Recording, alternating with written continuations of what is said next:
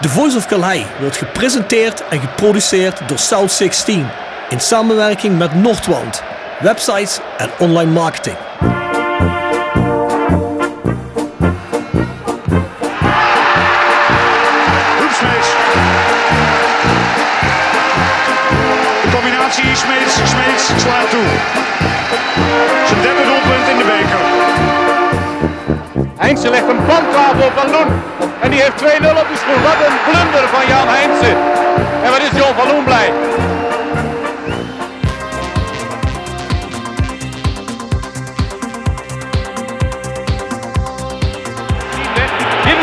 Mogelijkheid voor Roda. Graaf en het is 1-0. Weer Maurice Graaf. De kooltjes diep bij uitstek. Dit is zijn zevende. Oh but But aïe Rames est loupé Dans quelques instants, il y a but de Lawol Et maintenant c'est Roda qui met deux buts Prachtige circusbewegingen zet. Oh, oh, oh, oh, oh. Aruna Kone. Wat een weergaloos doelpunt. Dit is een lekkere bal. Ka. Oh, ho, ho, ho. Kaboom. Vente probeert het van afstand de Vente. En dat is de knal die Roda nodig had voor een terugkeer in deze wedstrijd. Iemand moest dat lontje aansteken.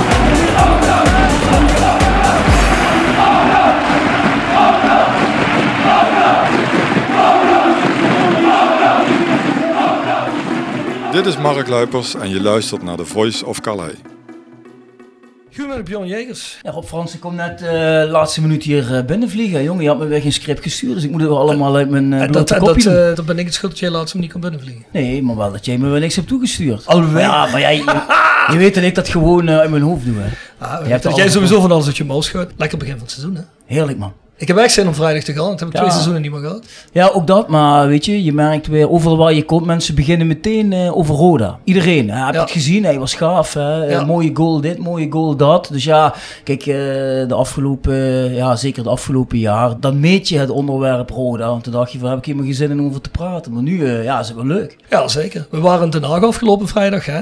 Ja, heerlijk. Ja, ik heb een heerlijke avond gehad. Ja, was echt genieten. Bedankt trainer. was een mooie. Ja, was zeker een mooie, mooie wedstrijd. Fijn. Ja, komen we zo meteen sowieso nog even op terug. Maar voordat we gaan beginnen, stream, luister en deel ons op je favoriete podcast online platform. Hè. Geef ons door aan allerlei andere Roda fans die je kent die misschien nog niet naar de podcast luisteren. Wordt zeer gewaardeerd. Voor de rest hebben we ook nog de Voice Match Day. Daarvoor ga je naar petjeaf.com schuine streep naar voren, de Voice of Calais. Daar vragen we wel een kleinigheidje voor om die wekelijks te kunnen luisteren. Er gaat uiteraard veel werk en tijd in zitten. Maar daar zitten we in ieder geval met de wekelijkse na- en voorbespreking van Roda wedstrijden met Patrick Wetsels, Jasper Klute, Bart Eurlings en ondergetekende. We hebben natuurlijk ook gisteren opgenomen en die staat al online, de wedstrijd tegen ADO. Nou, het is de meest positieve matchday geworden sinds een tijd, kan ik je zeggen, Bjorn. Er worden negens uitgedeeld door Bart Eurlings. Serieus? Ja, ja, zeker. Zo, dat is voor Bart Eurlings wel een heel hoog cijfer. Ja, dat is normaal een beetje pessimistische man, toch? Ja, het is normaal kritisch ingesteld, maar uh, een 9 en dan er verder meegegaan. Hoe snel dat ook omslaat, het sentiment, hè?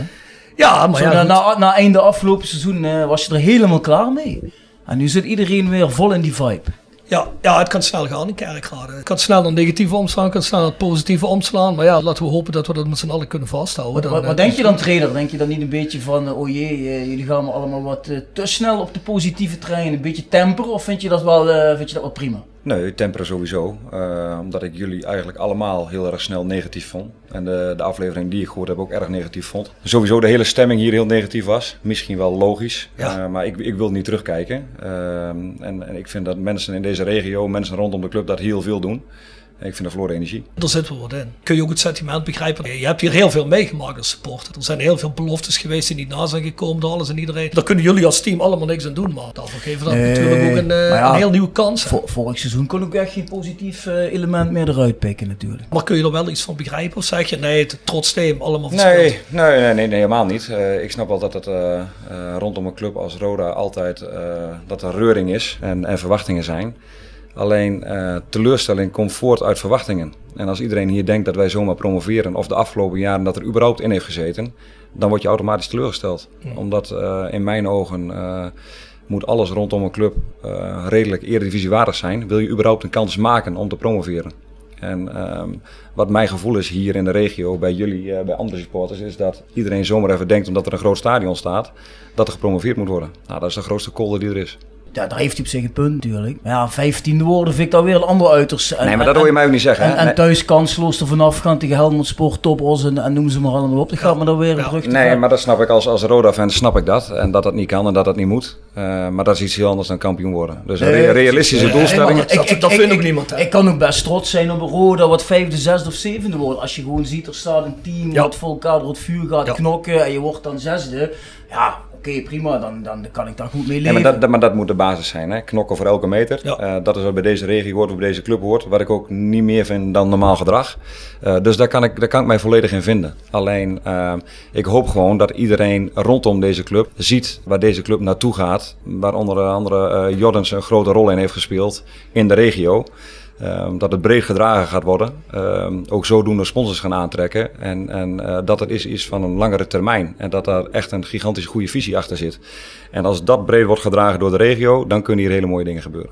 Ja, wat ik zeg, je ziet natuurlijk wel eh, dat twee keer winnen in een hele mooie pot. Ja, dan begint dat positieve vuurtje, dat wordt dan weer aangewakkerd. Hè. Dus het gaat dan toch eh, ja, ook hand in hand met prestaties op het veld natuurlijk. En, en nou ja, dan kan een en ander op een stroomversnelling komen. Ja, Dus ik begrijp, heb- begrijp me niet verkeerd, hè? daar ben ik hartstikke blij mee. En dat, dat de hele eh, tendens rondom de club nu is omgeslagen, dat vind ik prachtig. Want daar is alles om te doen. Eh, het enige wat, wat ik graag wil, wat wij graag willen, is dat hier heel veel mensen in het stadion zitten. En dat kan maar op één manier.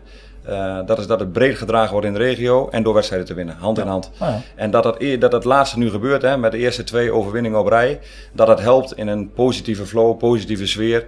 Ja, maar dat begrijp ik maar al te goed, want daar loop ik zelf ook te lang voor mee dat het zo werkt. Alleen ik ben er ook voor om te zeggen dat de mensen die nu zeggen van ah, we gaan meedoen voor de titel. Ja jongens, kom op, eh, twee wedstrijden onderweg. Waar hebben we het over? Nee, dat is, dat is, een, beetje, dat is een beetje voorbarig. Ik hoorde wel de voetbalpodcast van de Limburger en daar werd die vraag dus gesteld. Hè. Is Roda JC een titelkandidaat?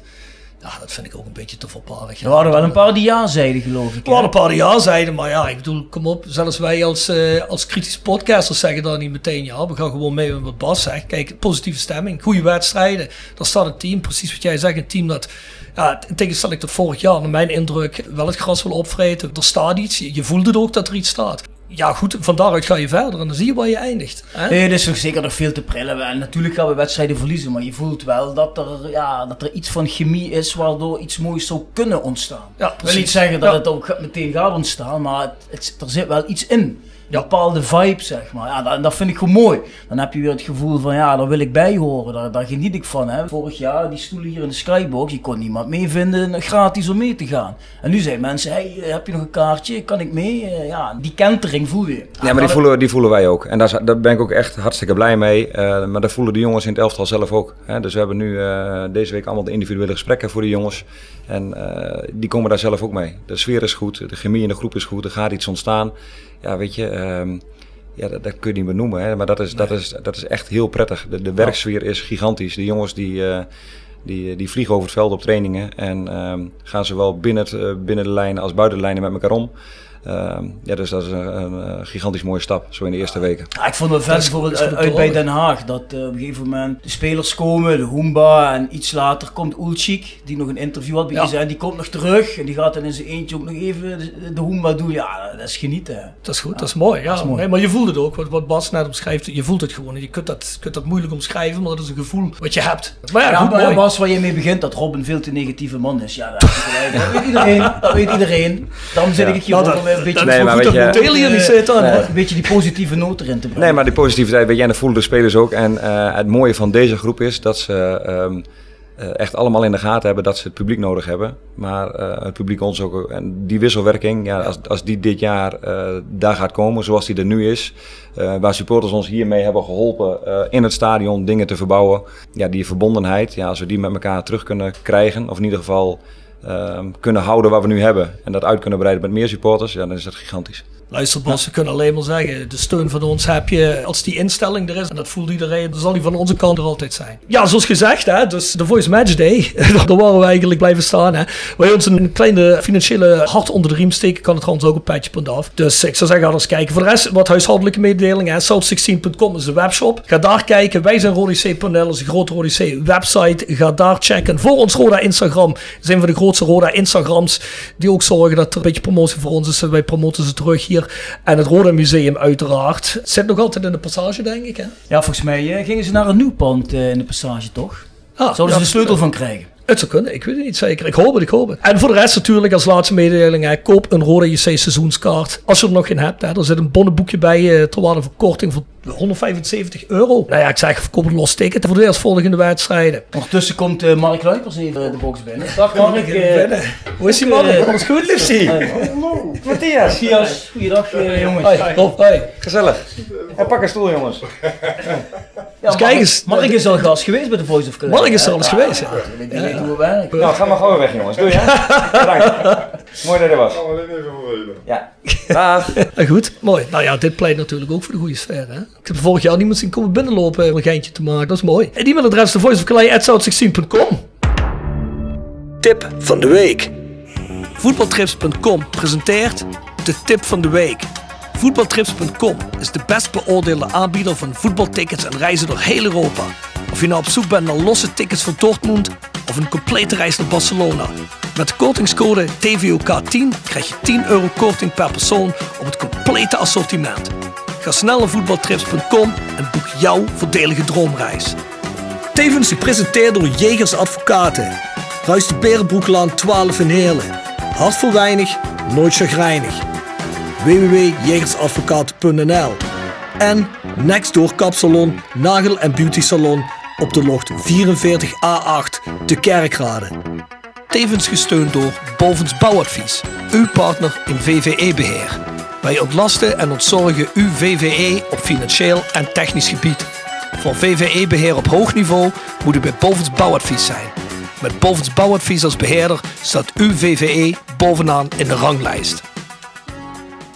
Onze voetbaltrip tip is deze week Watford Birmingham City. Bjorn, dit zou jou interesseren, want dat is een wedstrijd in de Championship op 16 september om 3 uur op Vicarage Road in Watford. Ja, sommige geledingen in het fan gebeuren hebben wel een connectie naar Watford toe. Hè? Ja, dus dat, uh, dat is wel leuk om dat een keer te bezoeken. Zeker tegen Birmingham City, roemrijke club uit het Britse. En waarom is die nog een keer extra interessant, omdat de volgende dag is er nog een championship wedstrijd op 17 september, begint om 12 uur s middags. En dat is Millwall Leeds United aan de Den in Londen. En ja, wie de fanscharen van Millwall Leeds United kent, weet dat dit altijd een zeer uh, hoogbeladen duel is. Dus wellicht als je zin hebt in een weekendje championship voetbal in, uh, in Londen, dan zou ik je hoogst aanraden dat te doen. Je krijgt met onze kortingscode TVOK 10 korting op die tripstar die je boekt. Dus ik zou zeggen, ga naar voetbaltrips.com. Bjorn, heb jij een tip van de week? Ja, ik heb een tip van de week. Ik heb wel wat met uh, Atletico Madrid. Vind ik op zich wel een mooie club. Uh, omdat er ook altijd een team staat die, uh, ja, naar mijn idee ook hecht is. Een bepaald vechtvoetbalspeel. Ja, ik, ik, vind dat wel mooi om te zien. Volgens mij een vervelende ploeg voor tegenstanders om tegen te spelen. Dus ik vind ook wel die trainer wel een speciale kerel, Diego Simeone. En ik heb laatst een documentaire gekeken over Simeone. Volgens mij heet die Simeone van wedstrijd tot wedstrijd. ik meen dat dat op Viaplay was. Ja, en geef een inkijkje in zijn leven. Dan zie je ook hoe die privé is. Dus ja, daar is hij eigenlijk een, een, een veel emotionelere man in, in de positieve zin van het woord dan die bij de wedstrijden. Daar is hij natuurlijk keihard op het voetbalveld. Maar thuis is hij eigenlijk heel uh, soft. Laat hij ook zijn emoties zien. Ja, het is best wel mooi om dat contrast uh, te zien. Hoe hij ook met zijn spelers omgaat. Volgens mij ook wel een type trainer waar spelers wel voor door het vuur willen gaan. Dus ik, ik vind dat wel eigenlijk de juiste trainer voor pas bij de juiste club. Dus ja, uh, ja was een, een, leuke documentaire. Zijn zoon speelt bij Napoli, ja, geloof ik. Zijn zoon speelt bij uh, Napoli, ja, die uh, Giovanni Simeone. Ja. Ja, het is een documentaire waar je hem ook veel met zijn zoon ziet. Hoe ja. die drie zoons? Zit hij met die zoons aan tafel en dan, dan spreekt ik eens over de jeugd en dat hij toch wel vaak afwezig is geweest en ja, wat ze wel van hem hebben meegenomen en zitten ze ook te huilen. Verwacht je eigenlijk niet uh, bij ze, maar... Die kan even laten zien. Hè? Misschien kan Bas onze Simeone worden. Die, ja, de begin is er wel een beetje. Hè? Of, ah, ik zie hem niet langs de, langs de lijn... Uh... Nee, maar hoe lang zit hij? Die Simeone zit natuurlijk al jaren bij Atletico. Hè? Ja. Is echt de juiste man op de juiste plek daar. Dus, denk het wel. Hij heeft ook veel bereikt daar. Ik heb zelfs nog een tip Friends of Sport. Dat is een uh, Belgische sportpodcast uh, kanaal. Nou, dan vind je van elke soort uh, sport die jij leuk vindt, vind je er een goede podcast. Een echt leuke podcast. Je hebt Blue Stadio daar, dat is Italiaanse competitie. Barotelli, dat is niet Balotelli, Barotelli. Dat is een inkijk op het Belgisch voetbal. X's en O's is basketbal, American football. Dus Friends of Sport heet dat. Dat kun je op Spotify vinden. Ik zou zeggen, ga er eens kijken. Bjorn, ja, de gast behoeft geen introductie meer. Hè. We hebben al een aantal keer ja, gehoord. Het is natuurlijk de trainer die uh, binnen enkele weken zich al ontiegelijk populair heeft gemaakt bij de achterban uh, van Rodi C.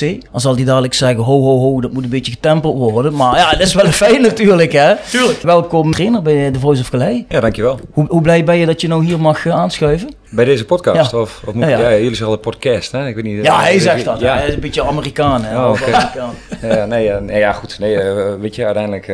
Fijn dat je uitgenodigd wordt, dus uh, ik zit hier met plezier. Ja, ik heb wel het gevoel dat Bas net de podcast geluisterd heeft waar wij het meest kritisch waren. Misschien dat hij dan een beetje negatief ja, van de podcast ik zat, ik zat zelf Nee, nee ik heb er meer geluisterd hoor. Oh, nee, want ik, ik, heb uh, gesprekken gehad in de winter en dan ga je een beetje inlezen en uh, kijken wat voor nieuws er allemaal is rondom de club. Ja. En ik kwam jullie tegen en nee, goed, ik zat elke dag een uur in de auto, half uur heen, half uur terug.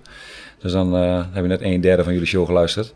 Dus uh, en ik ben vaak op en neer naar Kerkrade gereden. Dus dan, uh, dan vroeg ik me af wat er speelde. En ging ik veel bellen, maar af en toe ook een podcast van jullie geluisterd. Nou, leuk. Zijn dat misschien die, die streams uit het oosten van het land? Dat jij op een zei van hoe kan het dat wij opeens zoveel fans in Emmen aan opsteken hebben? nou, wie weet. Bas heeft die streams in zijn eentje opgevoerd.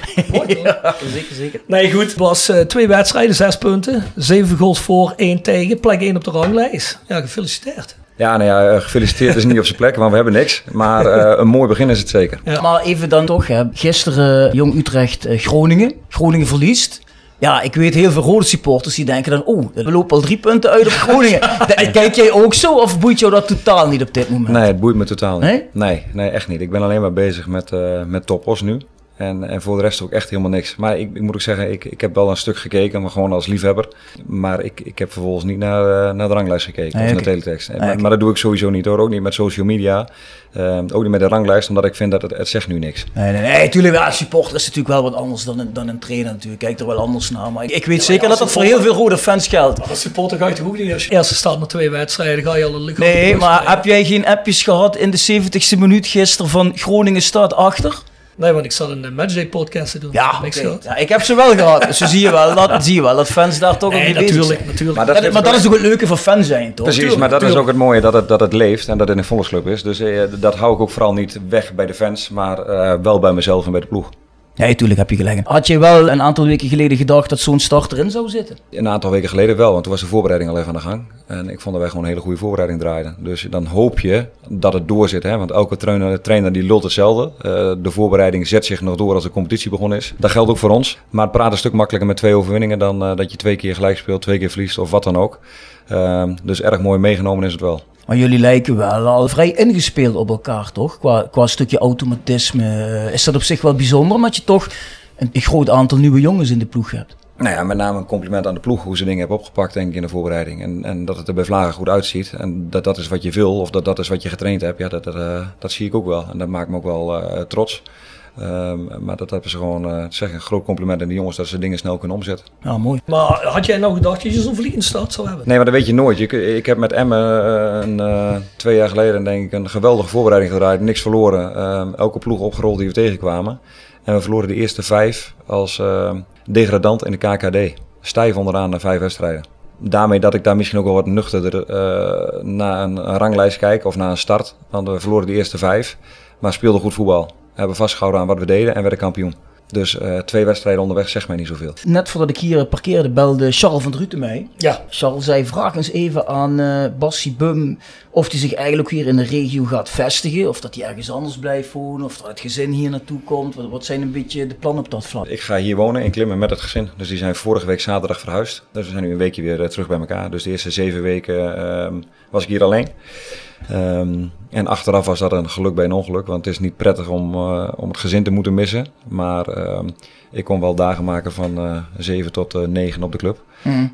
en dat zonder mij schuldig te voelen om dat er iemand thuis zit te wachten, of iemand ja, wil voetballen, precies. of iemand wil, wil fietsen.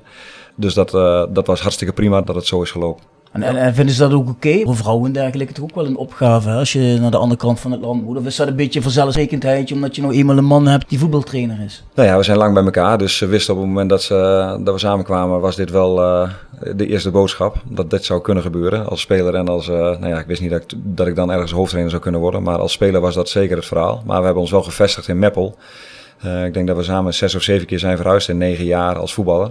En we hadden eigenlijk onze, onze vaste plekje in Meppel gevonden. Mm. Uh, het huis van mijn schoonouders gekocht. Uh, met beide schoonzussen in de buurt, schoonouders in de buurt. Uh, je bouwt een leven op, vrienden op school, vriendinnetjes. De over, overbuurmeisjes beste vriendinnetje van mijn dochter. Vijf, zes klasgenootjes voetballen samen eh, bij de amateurclub waar mijn, zoontje speelde bij Elzides samen speelde de godsganse dag voetbal in de tuin bij ons. Dus dat is dan heftig als je dat niet meer hebt of dat het niet meer kan. Met name voor hun. Dat was onder andere een van de redenen dat ik in de winter nee heb gezegd. Ja, dat is wel goed te begrijpen natuurlijk. Hè.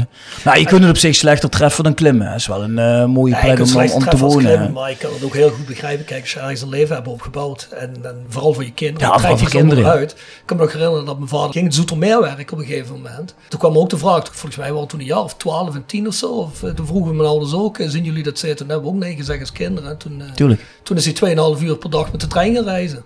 Dus dat is wel een opgave voor iemand die aan de andere kant van het land moet gaan werken. Ja, dat is toch wel een levend ingrijpende beslissing. Maar je kinderen en je gezin heeft er nu wel vrede mee. Ja, vrede mee. In principe hebben ze geen keuze. Want ik, uh, ik wil graag hoofdtrainer spelen. En uh, uh, gelukkig heb ik een, een vriendin die meedenkt. Nou ja, kinderen die het nou ja, heel leuk lijkt totdat het moment dichterbij komt. Dan wordt het allemaal heel verdrietig.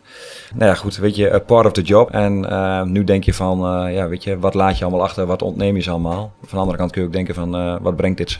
Ja. En zo staan wij er ook wel een beetje in. Ja, simpel is ook, weet je, als, als het niet bevalt, dan kun je, dan kun je terug. Hè? Kinderen zijn op zich wat dat betreft flexibel. Hè? Passen zich sneller aan. Zullen hier natuurlijk ook vriendjes krijgen en dergelijke. Dus nou, hopelijk, deze, hopelijk de, gaat dat aan, goed. Aan de scholen waar pas kinderen heen gaan, leg ze extra aan de watten. Want als de Ja. kinderen niet leuk vinden, dan gaat het snel fout. Dus, Precies, we moeten niet hebben dat Bas dadelijk zegt van ik moet terug naar het oosten. Hè? Dus Voorlopig nog even laat, niet. laat, laat hem maar fijn. Nee, maar heb ik alle vertrouwen in. Klimmen is leuk en uh, nee, goed. Dus Er zijn natuurlijk heel veel mensen die hier zijn blijven hangen. Hè? Regilio Vrede, Silvio Di Liberto, eh, Jan van Dijk, noem ze maar op. Hè? ja, ja, dat is een hele hoop die nog hier zitten. Die niet meer terug zijn gegaan. Dus Kees is wel teruggegaan. ja, Die heeft ook wel een heerlijk baantje nu. Hè? Een beetje over voetbal lullen de hele dag, dat eh, is niet slecht. Maar over het algemeen hier in Kerkrade bij de club. Het zal je goed bevallen, denk ik. Hè? Er zijn trouwens ook een aantal vragen die komen van Instagram-gebruikers. Eh, ja, Bas, eh, hoe bevalt in Kerkrade? Hoe bevalt het bij de club op het moment? Nou, hartstikke goed. Um, fijne collega's wat dat dan gaat. Veel contact gehad met Jordans, uh, Twan van Mierlo en met uh, Rob Servet in het begin. Hè, dan, uh, dat ik op en neer pendelde of als ik een vrije dag had, dan was ik hier.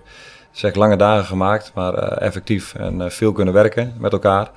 Um, en hartstikke prettig contact, dus dat helpt mee. Als voetballer speel je sinds 2000, debuteerde je in het uh, betaalde voetbal. En behalve het seizoen bij Roda speelde je ook bij Twente, Emmen, NEC, Alemannia Aken, Beveren en Heracles. En je beëindigde die carrière in 2017. Toen begon je als jeugdtrainer bij FC Emmen. Wanneer wist je eigenlijk dat je trainer wilde worden? Wist je dat al tijdens je voetbalcarrière of...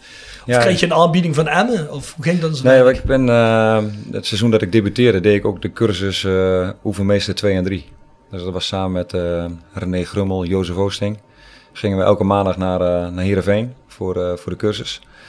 Um, dus toen, toen, ik denk dat ik, ja, ik was 18 of 19, ging ik met ze mee, een trainingscursus doen. Dus dat was, uh, dat was Op die leeftijd al, ja? Ja. ja. Dus toen wist je al, ik wil trainer worden of dacht je, nou ja goed, dan heb ik in ieder geval iets in de pocket voor het geval dat. Nou ja, dat zat er eigenlijk altijd al wel in. Dus, uh, en, en Henny Spijkerman was destijds uh, trainer en die, die motiveerde mij ook. Dus het lijkt me hartstikke goed dat je dat gaat doen. Omdat daar misschien wel iets in zit voor later, maar zeer zeker ook om andere inzichten te krijgen tot, ja, tot het voetballen van nu, zeg maar. Wat, wat behekst het allemaal? En ga je breed informeren, dus dat heb ik gedaan. En hartstikke leuk. Dus ik wist dat wel op het moment dat ik bij Heracles raakte geblesseerd, het eerste seizoen. Daarna werd ik weer fit. Toen in de voorbereiding weer geblesseerd geraakt. En ik had eigenlijk nooit blessures. Dus toen, uh, toen was het of terug naar Emmen. Die contacten die waren om daar af te sluiten, mijn carrière af te sluiten. Maar ik had me ook opgegeven voor uh, UEFA A. Uh, dus dat is het ene hoogste diploma. En ik werd direct aangenomen. Ja, toen was voor mij de keuze wel vrij makkelijk dat ik, dat ik die kant op wilde gaan. Dat ja, weet je, één of twee jaar Emmen. Ja, dat was niet het Emmen zoals het er nu op staat. Dus de keuze was toen voor mij makkelijk dat ik daarin verder wilde. Maar je bent dus in 2017 bij je jeugdtrainer geworden. Hoe is dat de afgelopen zes jaar voor jou verlopen dan, dat traject, tot uh, waar je nu staat? Uh, ik ging eigenlijk uh, stage lopen bij Emmen, hè, want voor de UEFA moet je stage lopen. Nou, dat was dan, dan kon je je smiddags melden voor de, voor, de, voor de training om een uur of twee. Nou ja, goed, ik was daar s ochtends altijd al, want ik verveelde me kapot anders thuis. En kon me vast een beetje inlezen, training bij één kijken. Een half jaar gedaan, stage gelopen bij een oud collegaatje van mij, Rick Slor. Speelde ik mee bij Emmen. Ja, destijds die deden uh, onder 16. Half jaar stage gelopen en toen ging um, Gert Heerkes, destijds trainer van de onder 19, uh, die ging naar China. En toen vroeg ze of ik uh, na de winter onder 19 wilde doen. Dat was destijds het hoogste jeugdhelftal. Mm -hmm. Ja, goed, voor mij natuurlijk een enorm mooie kans. Ja, dat drie jaar gedaan of drieënhalf jaar gedaan. En na een half jaar vroeg Dick, Dick mij om, om bij de bij het eerste te assisteren. Ja, hoe, hoe waardevol was dat om onder Dick Lukien uh, assistent te zijn? Want hij heeft het toch heel goed gedaan, hè? Nee, waardevol, omdat ik had geen ervaring in trainersvak. Alleen bij de jeugd een half jaar. En uh, vervolgens kon ik, kon ik daar aansluiten. En deed ik in de ochtend deed ik, het, deed ik het eerste elftal en smiddags onder 19. Dus zo kon ik ook veel uren maken. Ook wel omdat ik wist dat ik de cursus coach betaald voor wilde gaan doen. Nou, daarna heb ik de videoanalyse nog gedaan. Dus deed ik assisteren, videoanalyse, eerste elftal onder 19. En soms zelfs begon ik met, de, met de jongste jeugd. Dus om acht uur op het veld bij de jongste jeugd. Daarna eerste elftal, smiddags eerste elftal. En dan om vier uur nog onder 19. En uh, dan miste ik alleen de, de uitwedstrijden van het eerste. Omdat ik dan uh, training moest geven en zaterdags uh, mijn eigen ploegje had.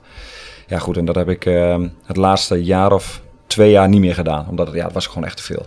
Dus, uh, maar ik deed dat om, om uh, veel uren te maken om, uh, om op de cursus te komen. Zijn er nou specifieke dingen die je van Dick Lukien hebt opgepikt? Of waar je zegt van ja, dat typeert hem wel en dat heb ik een beetje overgenomen? Nee, niet zozeer overgenomen. Ja, je leert van iedereen wat. maar zo leer ik, heb ik ook veel geleerd van de, van de trainers waarvan ik zelf training heb gehad hè, als speler. Dus ik heb van iedereen wel wat opgestoken of wat opgeschreven en, en wat meegenomen. Maar ik, ik, wil niemand imiteren of zo, want dan, uh, dan, dat red ik niet. Ik kan slecht toneel Nou, dat doet hij wel af en toe bij mij. Nou, dat, dat doet hij ook heel slecht. Maar ik begrijp, ik, begrijp, ik begrijp wat je bedoelt, Bas. maar, maar op, op, zelf op, op, op welk moment had jij nou door van... ik ben wel klaar om hoofdtrainer te worden? Um, nou, wel een tijdje. Maar ik had geen haast.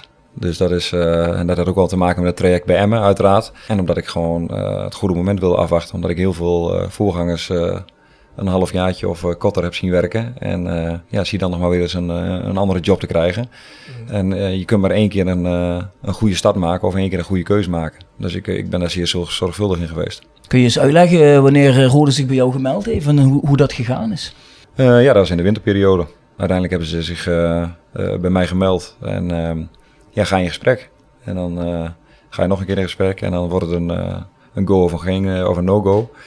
Ja, goed, weet je, en daar heb ik wel echt heel veel buikpijn van gehad. Want het, uh, met alle respect, het is uh, ook niet uh, een, een, hele kleine club waar je dan nee tegen zegt. Dus daar heb ik echt wel veel last van gehad.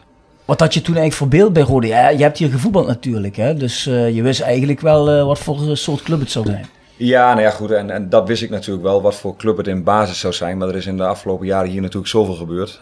dat daar ik het eerst wel het fijne van wilde weten. Voordat ik überhaupt in gesprek ging. Nou ja, dat is natuurlijk dan nog wel vrij makkelijk. Als je hier gespeeld hebt en uh, prettig contact hebt met mensen, dan uh, is een belletje snel gepleegd. Maar is het toen een, maand, een, een aantal maanden stil geweest? Of uh, ben je al die tijd met Rode in contact gebleven tot de zomer, toen je wel definitief bent gekomen? Nee, weet je, want uiteindelijk op basis van het gesprek met Jordans wat ik heb gehad, Jordans, Peters en Twan van Mierlo, wilde ik gewoon ja zeggen.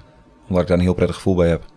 En omdat ik Twan nog ken vanuit mijn periode als speler, hè, die heeft mezelf hier naartoe gehaald. Mm -hmm. dat vind ik gewoon hele prettige mensen. En dat is voor mij... Ehm, de basis om ergens aan het werk te gaan. Vandaar ook dat ik zeg, ik heb er buikpijn van gehad. Omdat ik nee ging zeggen tegen hele prettige, fijne mensen waar ik heel veel vertrouwen in heb. Maar goed, weet je, de omstandigheden waren voor mij, uh, niet, niet alle lichtjes stonden op groen om, uh, om te gaan. En dat heeft onder dan te maken met uh, verhuizen, kinderen niet zomaar midden in het schooljaar ergens vertrekken nou ja, de ploeg, de staf, uh, wat kun je zelf meenemen, de ploeg die er staat, was niet het moment. Hoe oud zijn je kinderen? Zijn die nog heel erg jong? Of? Nee, dat valt mee. Ise, onze dochter, is 9 en Pim, onze zoon, is 7. Nee, maar dat is inderdaad wel uh, na een lopend seizoen is denk ik wel makkelijk. Dan is echt de stap makkelijker te maken. Ja. Nou, het lijkt me ook moeilijk om als trainer in te stappen, eigenlijk in een club en in een team, dat eigenlijk niet zo functioneerde zoals het hoorde te functioneren. Dat lijkt me heel moeilijk om dat te kunnen omdraaien op dat moment. Dat je eigenlijk niet echt naar je eigen hand kunt zetten. Hè? Is dat ook nog een argument geweest? Ja, zeker. Dat was een, een van die lichtjes die niet op grond stonden. Hè. Dat had niet alleen met privé te maken, maar ook met het, het, elftal wat er was, de staf die er was. Eigenlijk het, het hele complete plaatje. En uh, ja, ik had niet het moment, de, niet het gevoel dat ik dat zomaar even om zou draaien. Ik denk dat voor elke trainer moeilijk was geweest om dat uh, helemaal om te draaien. Er is een vraag van voor ons Roda, Instagram-account, en die vraagt: kreeg je meerdere aanbiedingen van clubs voor het trainerschap? Ja, en waarom Roda dan? Omdat ik een uh, ongelooflijk gevoel heb bij uh, Joris Peters, Twan van Mierlo en Rob Servet. Nou, kijk eens aan. Die slapen wel goed vannacht. En bij ons toch? nee, ja, ze maar buiten dat ik het een mooie club vind en, en een volksclub is, uh, gaat het mij om ehm, de mensen met wie je werkt en of je ze kunt vertrouwen. Was het nou anders geweest, denk je, als je hier vroeger niet een jaar zelf gespeeld had? Want dan had je helemaal misschien niks geweten van de regio. Ja, uh, nu ken ik alleen Twan, dus hè, Jordans ken ik ook alleen maar omdat uh, ik er tegen gespeeld heb. Rob Servet ken ik helemaal niet. Dit maakt het misschien wel iets makkelijker. In de zin van, nou ja, weet je, als ik uh, van hier naar Valkenburg moet rijden, ken ik de weg. Ja, ja wat, je voelt je, voelt je thuis. Wat heb je toen gewoon ook in klimmen. Ook in klimmen? Ja. ja want ja. ik kan me ook voorstellen, hè, want we hebben wel vaker jongens in de podcast gehad vanuit het elftal. En die zeggen allemaal Stuk voor stuk, nou ja goed, eerste instantie, Limburg, Zuid-Limburg, dat is een eind. Dat is alsof je naar het buitenland gaat voor de meeste jongens. Zeker jongens uit de Randstad. Ik denk dat mensen misschien uit het oosten of uit het noorden het nog wel kunnen waarderen, omdat ze zelf uit een, soortgelijke regio komen, een soortgelijke vibe misschien. Ja, ik kan me voorstellen als je hier van tevoren nog niet was geweest, dat je misschien denkt, godsamme, helemaal naar Zuid-Limburg. Ja, maar dat ben ik wel gewend vanuit Drenthe, want uh, bij Emmen is het niet anders. Bij de Randstad denk ik ook van, jezus, moet ik in Emmen doen. Dus dat zijn allemaal wel... Uh, ja, overeenkomsten tussen de clubs. Het ligt allebei aan het uiteinde van het land.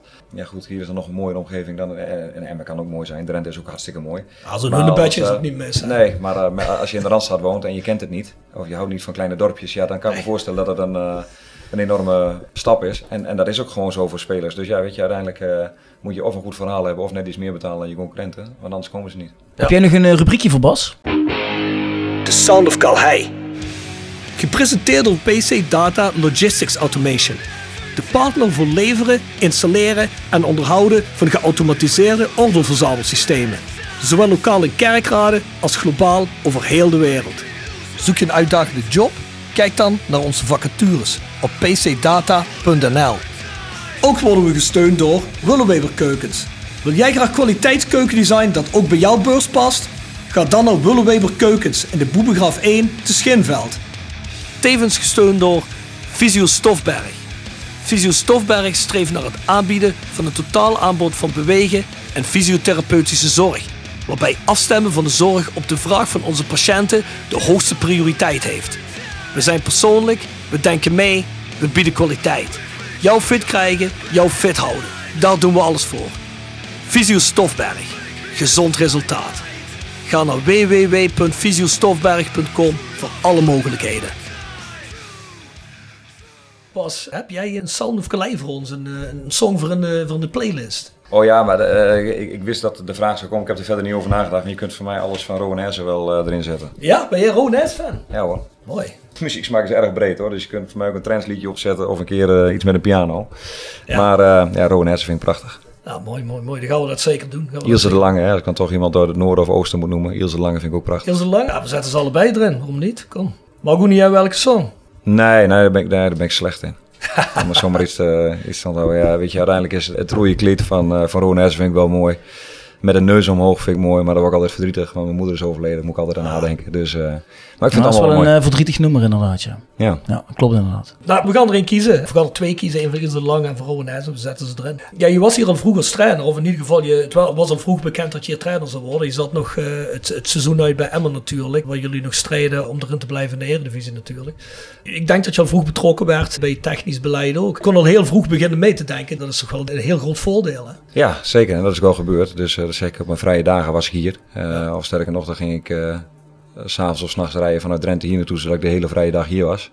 En, en, nog dedication. Hoe laat deed je dat? Uh, S'avonds, uh, eind van de avond. Of uh, nou ja, weet je, als, als, ik weg kon gaan. Of, ja? of, of, tegen, de, tegen de nacht aan, dan reed ik hier naar een hotel. Zodat ik de volgende dag hier in ieder geval s ochtends vroeg om 8 of 9 uur op de club kon beginnen. En de hele dag kon benutten. Dus vrije dagen heb ik dat gedaan. Voor de rest was het natuurlijk Emma die de klok sloeg. Alleen de momenten die ik tijd had om, om hier wat te doen, heb ik gedaan.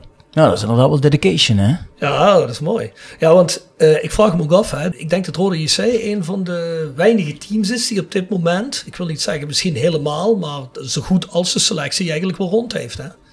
Ja, dat denk ik ook. Want als je nou kijkt naar Den Haag, die zijn ook bezig van, ja, er moeten nog vijf, zes man bij. En dan heb je nog een aantal teams die zo zitten.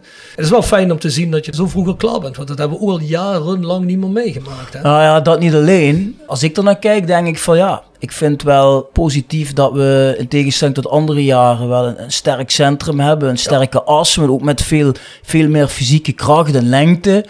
Ja, dat moet je dan eerst, denk ik, constateren dat daar een probleem zit. En vervolgens moet je, moet je, moet je er ook nog in slagen om dan de spelers te halen die dat wel hebben. Ja, tot nu toe lijkt het erop dat, uh, dat we daar in een vrij vroeg stadium in zijn geslaagd. Kun je ons eens meenemen met hoe dat gegaan is, zeg maar met het technisch hart? Neem aan, jullie gaan samen zitten en kijken van uh, waar moeten we ons versterken en hoe loopt zo'n proces? Uiteindelijk begint dat met, uh, met de visie die die je hebt, denk als trainer, als club. Hoe je wil spelen en wat voor type spelers daarbij passen. Daar ga je eerst naar kijken. En met name uh, niet alleen type spelers, maar ook karakters. Hmm. En dat is voor mij echt het allerbelangrijkste. Dus uh, dat we goede gasten binnenboord hebben die misschien iets minder kunnen voetballen, maar wel echt uh, waar je op kunt bouwen. dus dat was key in, in de zoektocht naar spelers.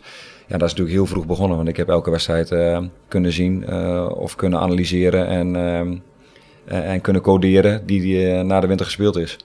Of vanaf het moment dat bekend werd dat ik aangesteld werd. En ja, weet je, uiteindelijk ja, zijn er spelers gehaald die, die bij het type spel passen wat ik graag wil spelen. Hmm. En, en dat is ja, voor, voor mij nogmaals, ik heb ze net al genoemd, Twan van Mierlo, Jordens en Rob. Zitten ongelooflijk veel uren en ongelooflijk veel arbeid in om dat voor elkaar te krijgen. Nou, dat is wel aardig gelukt. Maar klopt dat ook wat ik net zei van uh, een stukje meer, uh, meer power, meer onverzettelijkheid, wat meer uh, kracht en lengte? Zijn er ook dingen waarvan jij gezegd hebt na vorig seizoen van ja, daar moeten we wel iets in gaan veranderen? Ja, zeker. We zaten hier met Rob Sylvain natuurlijk een tijdje geleden. Hè? Ja. Toen waren net Wesley Spierings en uh, Matthijs Didde gecontracteerd. En toen zeiden wij nog, ja, Didde, ja, geen idee, kennen we niet. Spiering zei ik ook niet. Maar wat een beest die dit, man.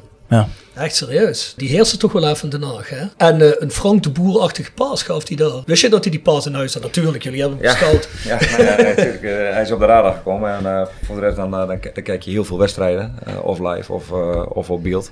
Dus ja, daar zit ongelooflijk veel tijd en energie in. De jongens die we gehaald hebben tot nu, tot nu toe, daar zit, daar zit veel tijd en energie in. Het is weer prematuur, hè? maar het is om dit als ik die na twee wedstrijden zie spelen. En ik zie die, die paar passen strooien daar in Den Haag. Hè? Die eerste kans waar die, volgens mij is het Schmid vrij voor de keeper Hè? nee, Ulchik. Ulchik met één pas. Hè? Dan denk ik van, uh, ja, als die jongen dat vasthoudt, dan vraag je toch af waarom Genkse jongen laat gaan. Hè? Want dat is me toch. Uh, maar ja, misschien zijn we ook wel veel te weinig gewend. Maar uh, ik vind dat. Ik, vond, ik ben Genk is natuurlijk ook wel een heel hoog niveau. Nee, maar ik ben wel heel erg enthousiast erover. Want Zeker? Als, je, als je nou ziet wat we hebben staan, wat jij al zegt, als blok, ook verdedigend middenveld. En dan die twee jongens erachter nog. Nou, ik heb nu het gevoel dat. Uh, want je kijkt natuurlijk heel vaak dat mensen nu zeggen: ja, vorig seizoen wonnen we ook de eerste drie wedstrijden. Was het ook allemaal Hosanna. En daarna ging het snel bergaf. Maar dat gevoel heb ik hier niet bij, omdat er staan nu op het middenveld. Ja, dat is rot om te zeggen. Maar er staan nu wel mannen. Hè? Er staan niet jongens. Ik bedoel, zo'n Lennart Hartjes, dat is leuk, die kon goed voetballen, maar die rende je overhoop. Nee, dat is nou wel zo. Dat als er voorzet van de zijkant komt, dan hield ik vorig jaar mijn hart vast. En nu denk je van, wow, Kochlin kan koppen, uh, Dirk kan koppen. Dat is een keeper van 1,98. Dus ik maak me niet zo zorgen Die pakte er ook een paar balletjes dus, uh, ja. nee, goed. Ja, ik denk dat uh, Bas bij zelf denkt, oh jee, die zit alweer op de, ja, ja, op de, op de overwinningtrein. Moet die jongens een beetje gedijs houden. Maar ja, kijk, wij mogen als fans natuurlijk wel heel erg enthousiast zijn. En als we dadelijk drie keer op rij verliezen, dan zal we allemaal een beetje neutraliseren. Maar op dit moment zijn wij gewoon dol enthousiast, ja. Ja, maar ik ben ook enthousiast hoor, dus dat wil ik ook niet wegnemen. Uh, maar goed, weet je, uiteindelijk uh, is het inderdaad zo dat maar twee wedstrijden zijn. Maar ik ben net zo enthousiast als jullie over deze jongens. Ik heb ook nog een vraag binnengekregen, Bas, over de WhatsApp. Uh, ook nog eentje van Charles van Druten. Was het professioneel gezien een lastige keuze om een nieuwe keeper direct in de basis te posteren, wetende dat Rodi de Boer een goede voorbereiding heeft gedraaid? Want dat was op zich voor ja, supporters wel een opvallend moment. Ja, die vraag krijg ik hier ook een paar keer dus. Ja, maar het is geen opvallend moment. Ik heb in week drie van de voorbereiding alle keepers binnen gehad. En gezegd dat we een andere keeper gaan halen. Die gehaald wordt als nummer één. Eh, dat konden ze overigens hartstikke waarderen dat ik daar open en eerlijk over sprak. Dat ik ze dat ook in een vroeg stadium heb verteld, zodat ze een lange periode de tijd hadden om, uh, om iets anders te zoeken. Uh, in het geval van Rodi. Uh, dus dat was voor mij niet lastig. Wat voor mij het kloten maakt, is dat hij twee geweldige wedstrijden afsluit in de voorbereiding. Ik denk Oostende en PSV. Mm. En een goede eerste wedstrijd keept. Ja, uh, weet je, uiteindelijk, die beslissing is gemaakt. Dus die is niet moeilijk. Het is wel vervelend om te zeggen, omdat ik ook aan de andere kant van de tafel heb gezeten. En als een trainer dan tegen je zegt, je gaat eruit, maar je hebt het goed gedaan. Ja, wat heb je daar nou aan? Nou ja, dat is moeilijk. Dat is kloten. Niet moeilijk, maar een, kloten, een boodschap die kloten is. En uh, dat lastiger accepteren is. Nou, dat vind ik ook niet erg. En dan mag iemand een paar dagen ziek van zijn. Ehm, dat vind ik ook helemaal niet erg. En het is logisch. Maar het is ook heel simpel, weet je. Ehm, nu als supporter zou je zo kunnen denken. Kijk, als je Rodi nu had laten staan en die had een poedel gemaakt, had je gezegd, ja, maar je hebt toch een nieuwe gehaald, waarom heb je niet gewisseld? Als de nieuwe keeper, in dit geval Bukker, in Den Haag twee blunders had gehad, maar je had, had iedereen gezegd van, ah, weet je, zie wel, hij had uh, Rodi de Boer moeten laten staan. Dus een goed moment is er niet. Nu niet, twee weken later niet. Nee, maar goed, je, je, je legt inderdaad goed uit dat je daar transparant over geweest bent. Ik denk dat veel supporters het idee hadden van, er komt wel een keeper bij, maar die moet dan de concurrentie aangaan met Rodi de Boer. En dan vindt men het raar van, ja, waarom wordt hij dan eruit gehaald terwijl hij goede wedstrijd gekiept heeft. Maar als je meteen zegt van, ja, er komt een keeper en die wordt eerste keeper, ja, dan ben je daar natuurlijk transparant in geweest. heb jij die beslissing gemaakt op basis van wat je gezien hebt van vorige seizoenen van de, van de keepers? Ik heb alles gezien van de vorige keepers, maar ik wilde mijn uh, oordeel vellen over deze voorbereiding.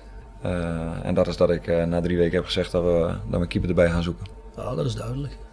Ja, goed. Wij hebben natuurlijk wel de afgelopen twee seizoenen gezien. En uh, ik moet wel heel eerlijk zeggen. Ja, sommige mensen vinden, vinden Rodi een schitterende keeper. En uh, op zijn goede momenten is hij ook goed. Maar hij, uh, hij heeft ook vooral twee seizoenen geleden die ontzettend veel punten gekost met de rare fratsen die hij uithaalt. Dat heb ik eigenlijk ook nooit echt begrepen waarom je dat als keeper per moet willen doen. Maar. Ik had wel vrijdag het idee van. ik stond bij de warming-up achter de goal. En ik zag Koen Bukker voor het eerst. Ik denk van poem, toch best wel denk ik, moeilijk voor zo'n jongen om meteen te moeten debuteren. Alle ogen op je gericht. Maar ja, hij maakt op mij geen seconde de indruk alsof hij zenuwachtig was. Hij keept alsof hij al vier jaar erin staat. Nee, Zo kwam het op mij over. Dat is wel een heerlijke wedstrijd om te beginnen natuurlijk. Den Haag is nooit echt heel erg gevaarlijk geweest. De bal is 1,99.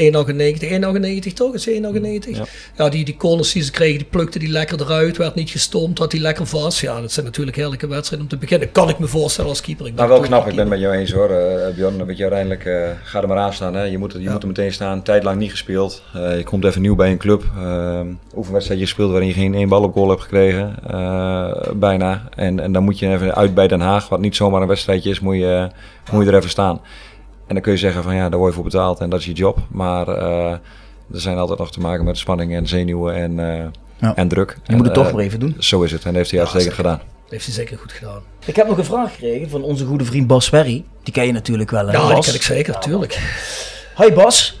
Hier Bas uit Simpelveld. Wat doe je in je vrije tijd? Ga je lekker onze mooie omgeving ontdekken of heeft een trainer van Roda geen vrije tijd? Nou ja, eh, tot op heden heb ik nog geen vrije tijd. Uh, maar ik hoop dat het de komende weken uh, dat het wat rustiger wordt. Als de transferperiode voorbij is. Dingen hier wat meer lopen zoals ze horen te lopen. Ja, weet je, wat doe ik dan? Ja, in mijn vrije tijd padel ik graag, ik golf graag. Maar golf heb je veel tijd voor nodig, dus ik verwacht dat dat voorlopig nog niet het, nog niet het geval gaat zijn. Ja, weet je, uiteindelijk thuis met de kinderen spelen vind ik ook mooi. Ga je dus, er in de avond vaak op uit of ben je meer iemand die lekker thuis blijft? Uh, nee, ik voetbal, uh, ik voetbal veel met, uh, met onze zoon in de tuin. We zijn elke avond nog even op de fiets door, door klimmen en omgeving gereden. Mm. en dat is echt klimmen moet ik zeggen. op de motorbike. Ja, weet je, vinden ze prachtig. Dus nou ja, weet je, nu ze hier weer zijn, dan doe ik dat graag. Heb jij dat ook, dat je zeg maar in, in de straat of in het dorp veel aangesproken wordt door Proda? Merk je daar zelf ook iets van? Of ja, Weet ben ik klemmen niet wie de, wie de trainer van Rode JC is. Nee, dat weten ze wel. Ja, nee, dat is, dus of je nou op straat loopt of in de supermarkt of dat ik in Heerlen loop. Ja, weet je, uiteindelijk uh, ja, is alleen maar mooi die positiviteit. Dat lijkt me wel gaaf om naast de trainer van Rode te worden. Ik zou de hele dag over de schutting uh, van alles roepen. Jij niet? ja, toch? Nou, ik vind het zelf al vervelend genoeg in die podcast, dus laten we maar niks over de schutting roepen. nee, want dan wordt helemaal gek van ons. Hoor. Ik kreeg hier een vraag van Lars Brouwers. Dat haakt een beetje in op deze vraag. Hij zegt, je lijkt zelf nog enorm fit. Wat doe je zoal om fit te blijven? En ja, heb je al woonruimte gevonden, hebben we al beantwoord. Maar wat, fit blijven, padellen, fietsen? Nee, fietsen niet. Padellen deed ik twee keer in de week op een uh, behoorlijk niveau in Meppel. Dus dat is over. Dus uh, dat, dat is jammer. Dat moet je met z'n tweeën doen, hè? Ja, sterk nog met z'n vieren. Dus dat is, uh, um, dat, maar daar hadden we een groepje voor, deden we twee keer in de week van 9 tot 11. En, en dat, was, dat was echt gigantisch. Dus dat, dat vond ik prachtig. Uh, dus ik hoop hier dat we weer een beetje te kunnen opbouwen. Padelbalkluipers niet? Jawel, uh, dat gaan we ook doen. Hebben we al gedaan en dat gaan we, dat gaan we ook weer doen. Dus zeker. En, en wel meerdere. Hier, Kal op liggen die banen geloof ik hè? Dat is mij ook. Of Kaleide, Kerkrade ligt wat. Ah, dus volgens mij geleen zijn we al een keer met de, met de ploeg geweest. Maastricht ben ik al een keer geweest. Dus ik, ik doe het zeker. Maar niet meer zo fanatiek als dat ik deed. Dus dat vind ik jammer. En hardlopen en krachttraining. Niet leuk, maar wel. Nou ja, Lars Brouwers, die traint ook hard. Die zit bij Fit20. Maar hij is nog niet zo veel als zijn trainer, geloof ik. Ja, dat weet ik. hij, hij moet nog even gaan. Je zei net, is niet het leukste. Wat vind je het minste? Krachttrainingen verlopen? Ja, wat vind, vind je ik, vind, ik vind het echt verschrikkelijk. Maar, Allebei? Uh, ja, nou ja, ja, ik kan goed lopen. Ik, jullie weten uiteraard nog, ik was niet snel. Ik kon wel veel lopen en goed lopen, dat kan ik nog steeds. Uh, maar leuk, leuk vind ik het niet. Dus padel vind ik echt, zodra er uh, spelelementen uh, elementen in zit, vind ik het heel leuk. Maar krachttraining vind ik echt verschrikkelijk. Maar weet je, uiteindelijk doe ik dat wel twee, drie, drie keer in de week. Afgelopen weken wat minder gedaan. Ja goed, zeg ik hoop weer wat meer tijd te krijgen. Doe je dat hier op de club? Ja, de club Basic Fit. Kunnen ook terecht bij de, bij de fysio's van de club. Hè. Die, Zit je ook bij Basic Fit? Ja, ook ja. Dus de sporters van Roda kunnen jou bij de Basic Fit uh, gewoon tegen het lijf lopen? Afgelopen week twee keer, denk ik, ja. Dus, kijk aan, kijk aan. Zeg je, uh, pas een vrije tijd even met rust, uh, Bjorn. Ja, nee, ik bedoel, de Roda supporters zijn niet vervelend, toch? Nee, helemaal niet. Wat zei je bij de visio, bij Stofberg? Ja, daar, zouden we ook terecht kunnen. We hebben een enorm mooie... Onze sponsor Stofberg, ja. Ja, dus, een enorm mooie, mooie fysioruimte, of fysioruimte, krachtruimte hier in het stadion gekregen, die uitgebreid is.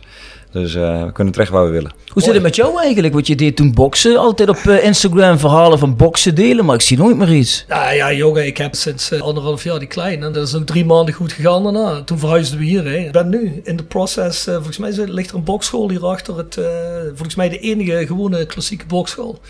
Nou ja, kickboksen is niks voor deze jonge man, dus, uh, dus daar gaan we wel mee beginnen. Oké, okay. ik ben benieuwd. Ik ben dan zeg ik snurk weer te hard, dat betekent alleen omdat ik te veel weeg. Dus, uh. Jolis Jo wordt gepresenteerd door RodaJC.goals. Het Instagram-account voor je dagelijkse portie Roda-content.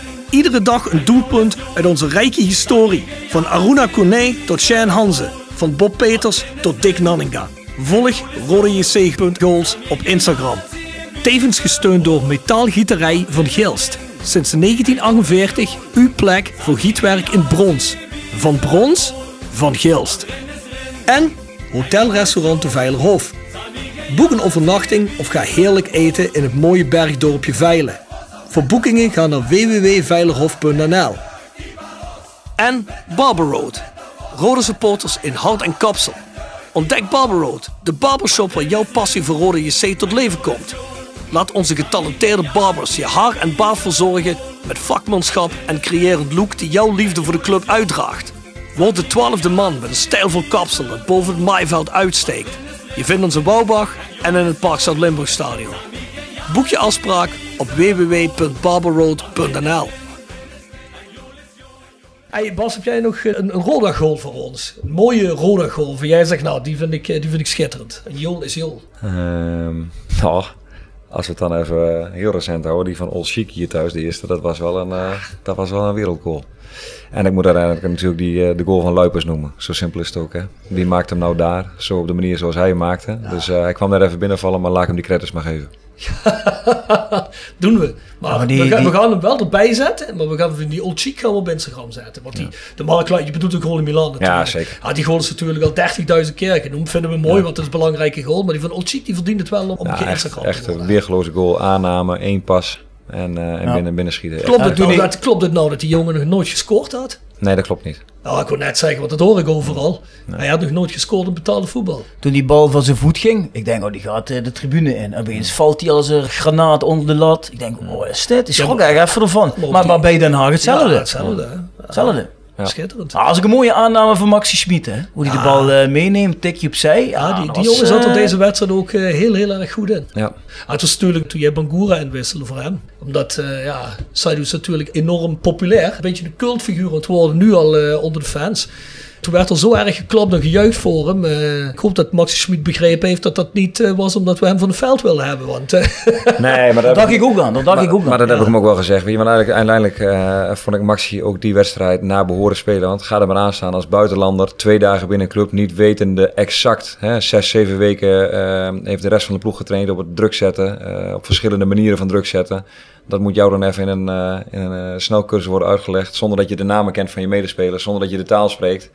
Ja, dat is niet zo makkelijk. Is dat voor jou nog een dingetje, die populariteit van uh, Bangura op dit moment uh, bij de achterban? Uh, praat je daar met hem over? Ik zag hem in Den Haag de warming-up doen en er werd voor hem geklapt. Hij had meteen zo'n glimlach, hè, dat vond hij schitterend. Maar ik zag dat hij daarna, was ik eens op hem het letten, maar hij was eigenlijk van minuut 70 tot 80 continu naar de bank het kijken. Van, ah, krijg ik nog een seintje, krijg ik nog een seintje?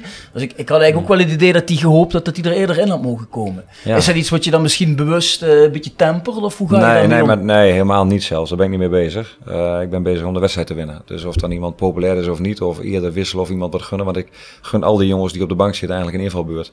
En je gunt ze ook eigenlijk allemaal langer dan dat ze nu hebben gespeeld. Aan de andere kant moeten de jongens die er nu zijn afgehaald ook zo fit mogelijk worden. En dan worden ze niet met 45 minuten of 60 minuten spelen. Mm -hmm. Dus dat probeer ik iedere keer te rekken. Dus dat is iedere keer de balans waar je in zit. En, en gun ik uh, Sposito een invalbeurt van een half uur. En dan gun ik Vossenbelt ook. Hoe wij wil ik ook gerust wel een helft zien. En, en hetzelfde geldt voor Bangura. Alleen ja, weet je, dat is de balans van uh, jongens fitter laten worden en langer laten spelen. Want uiteindelijk word je daar echt fitter van. Wedstrijden op dit niveau uh, richting 90 minuten krijgen.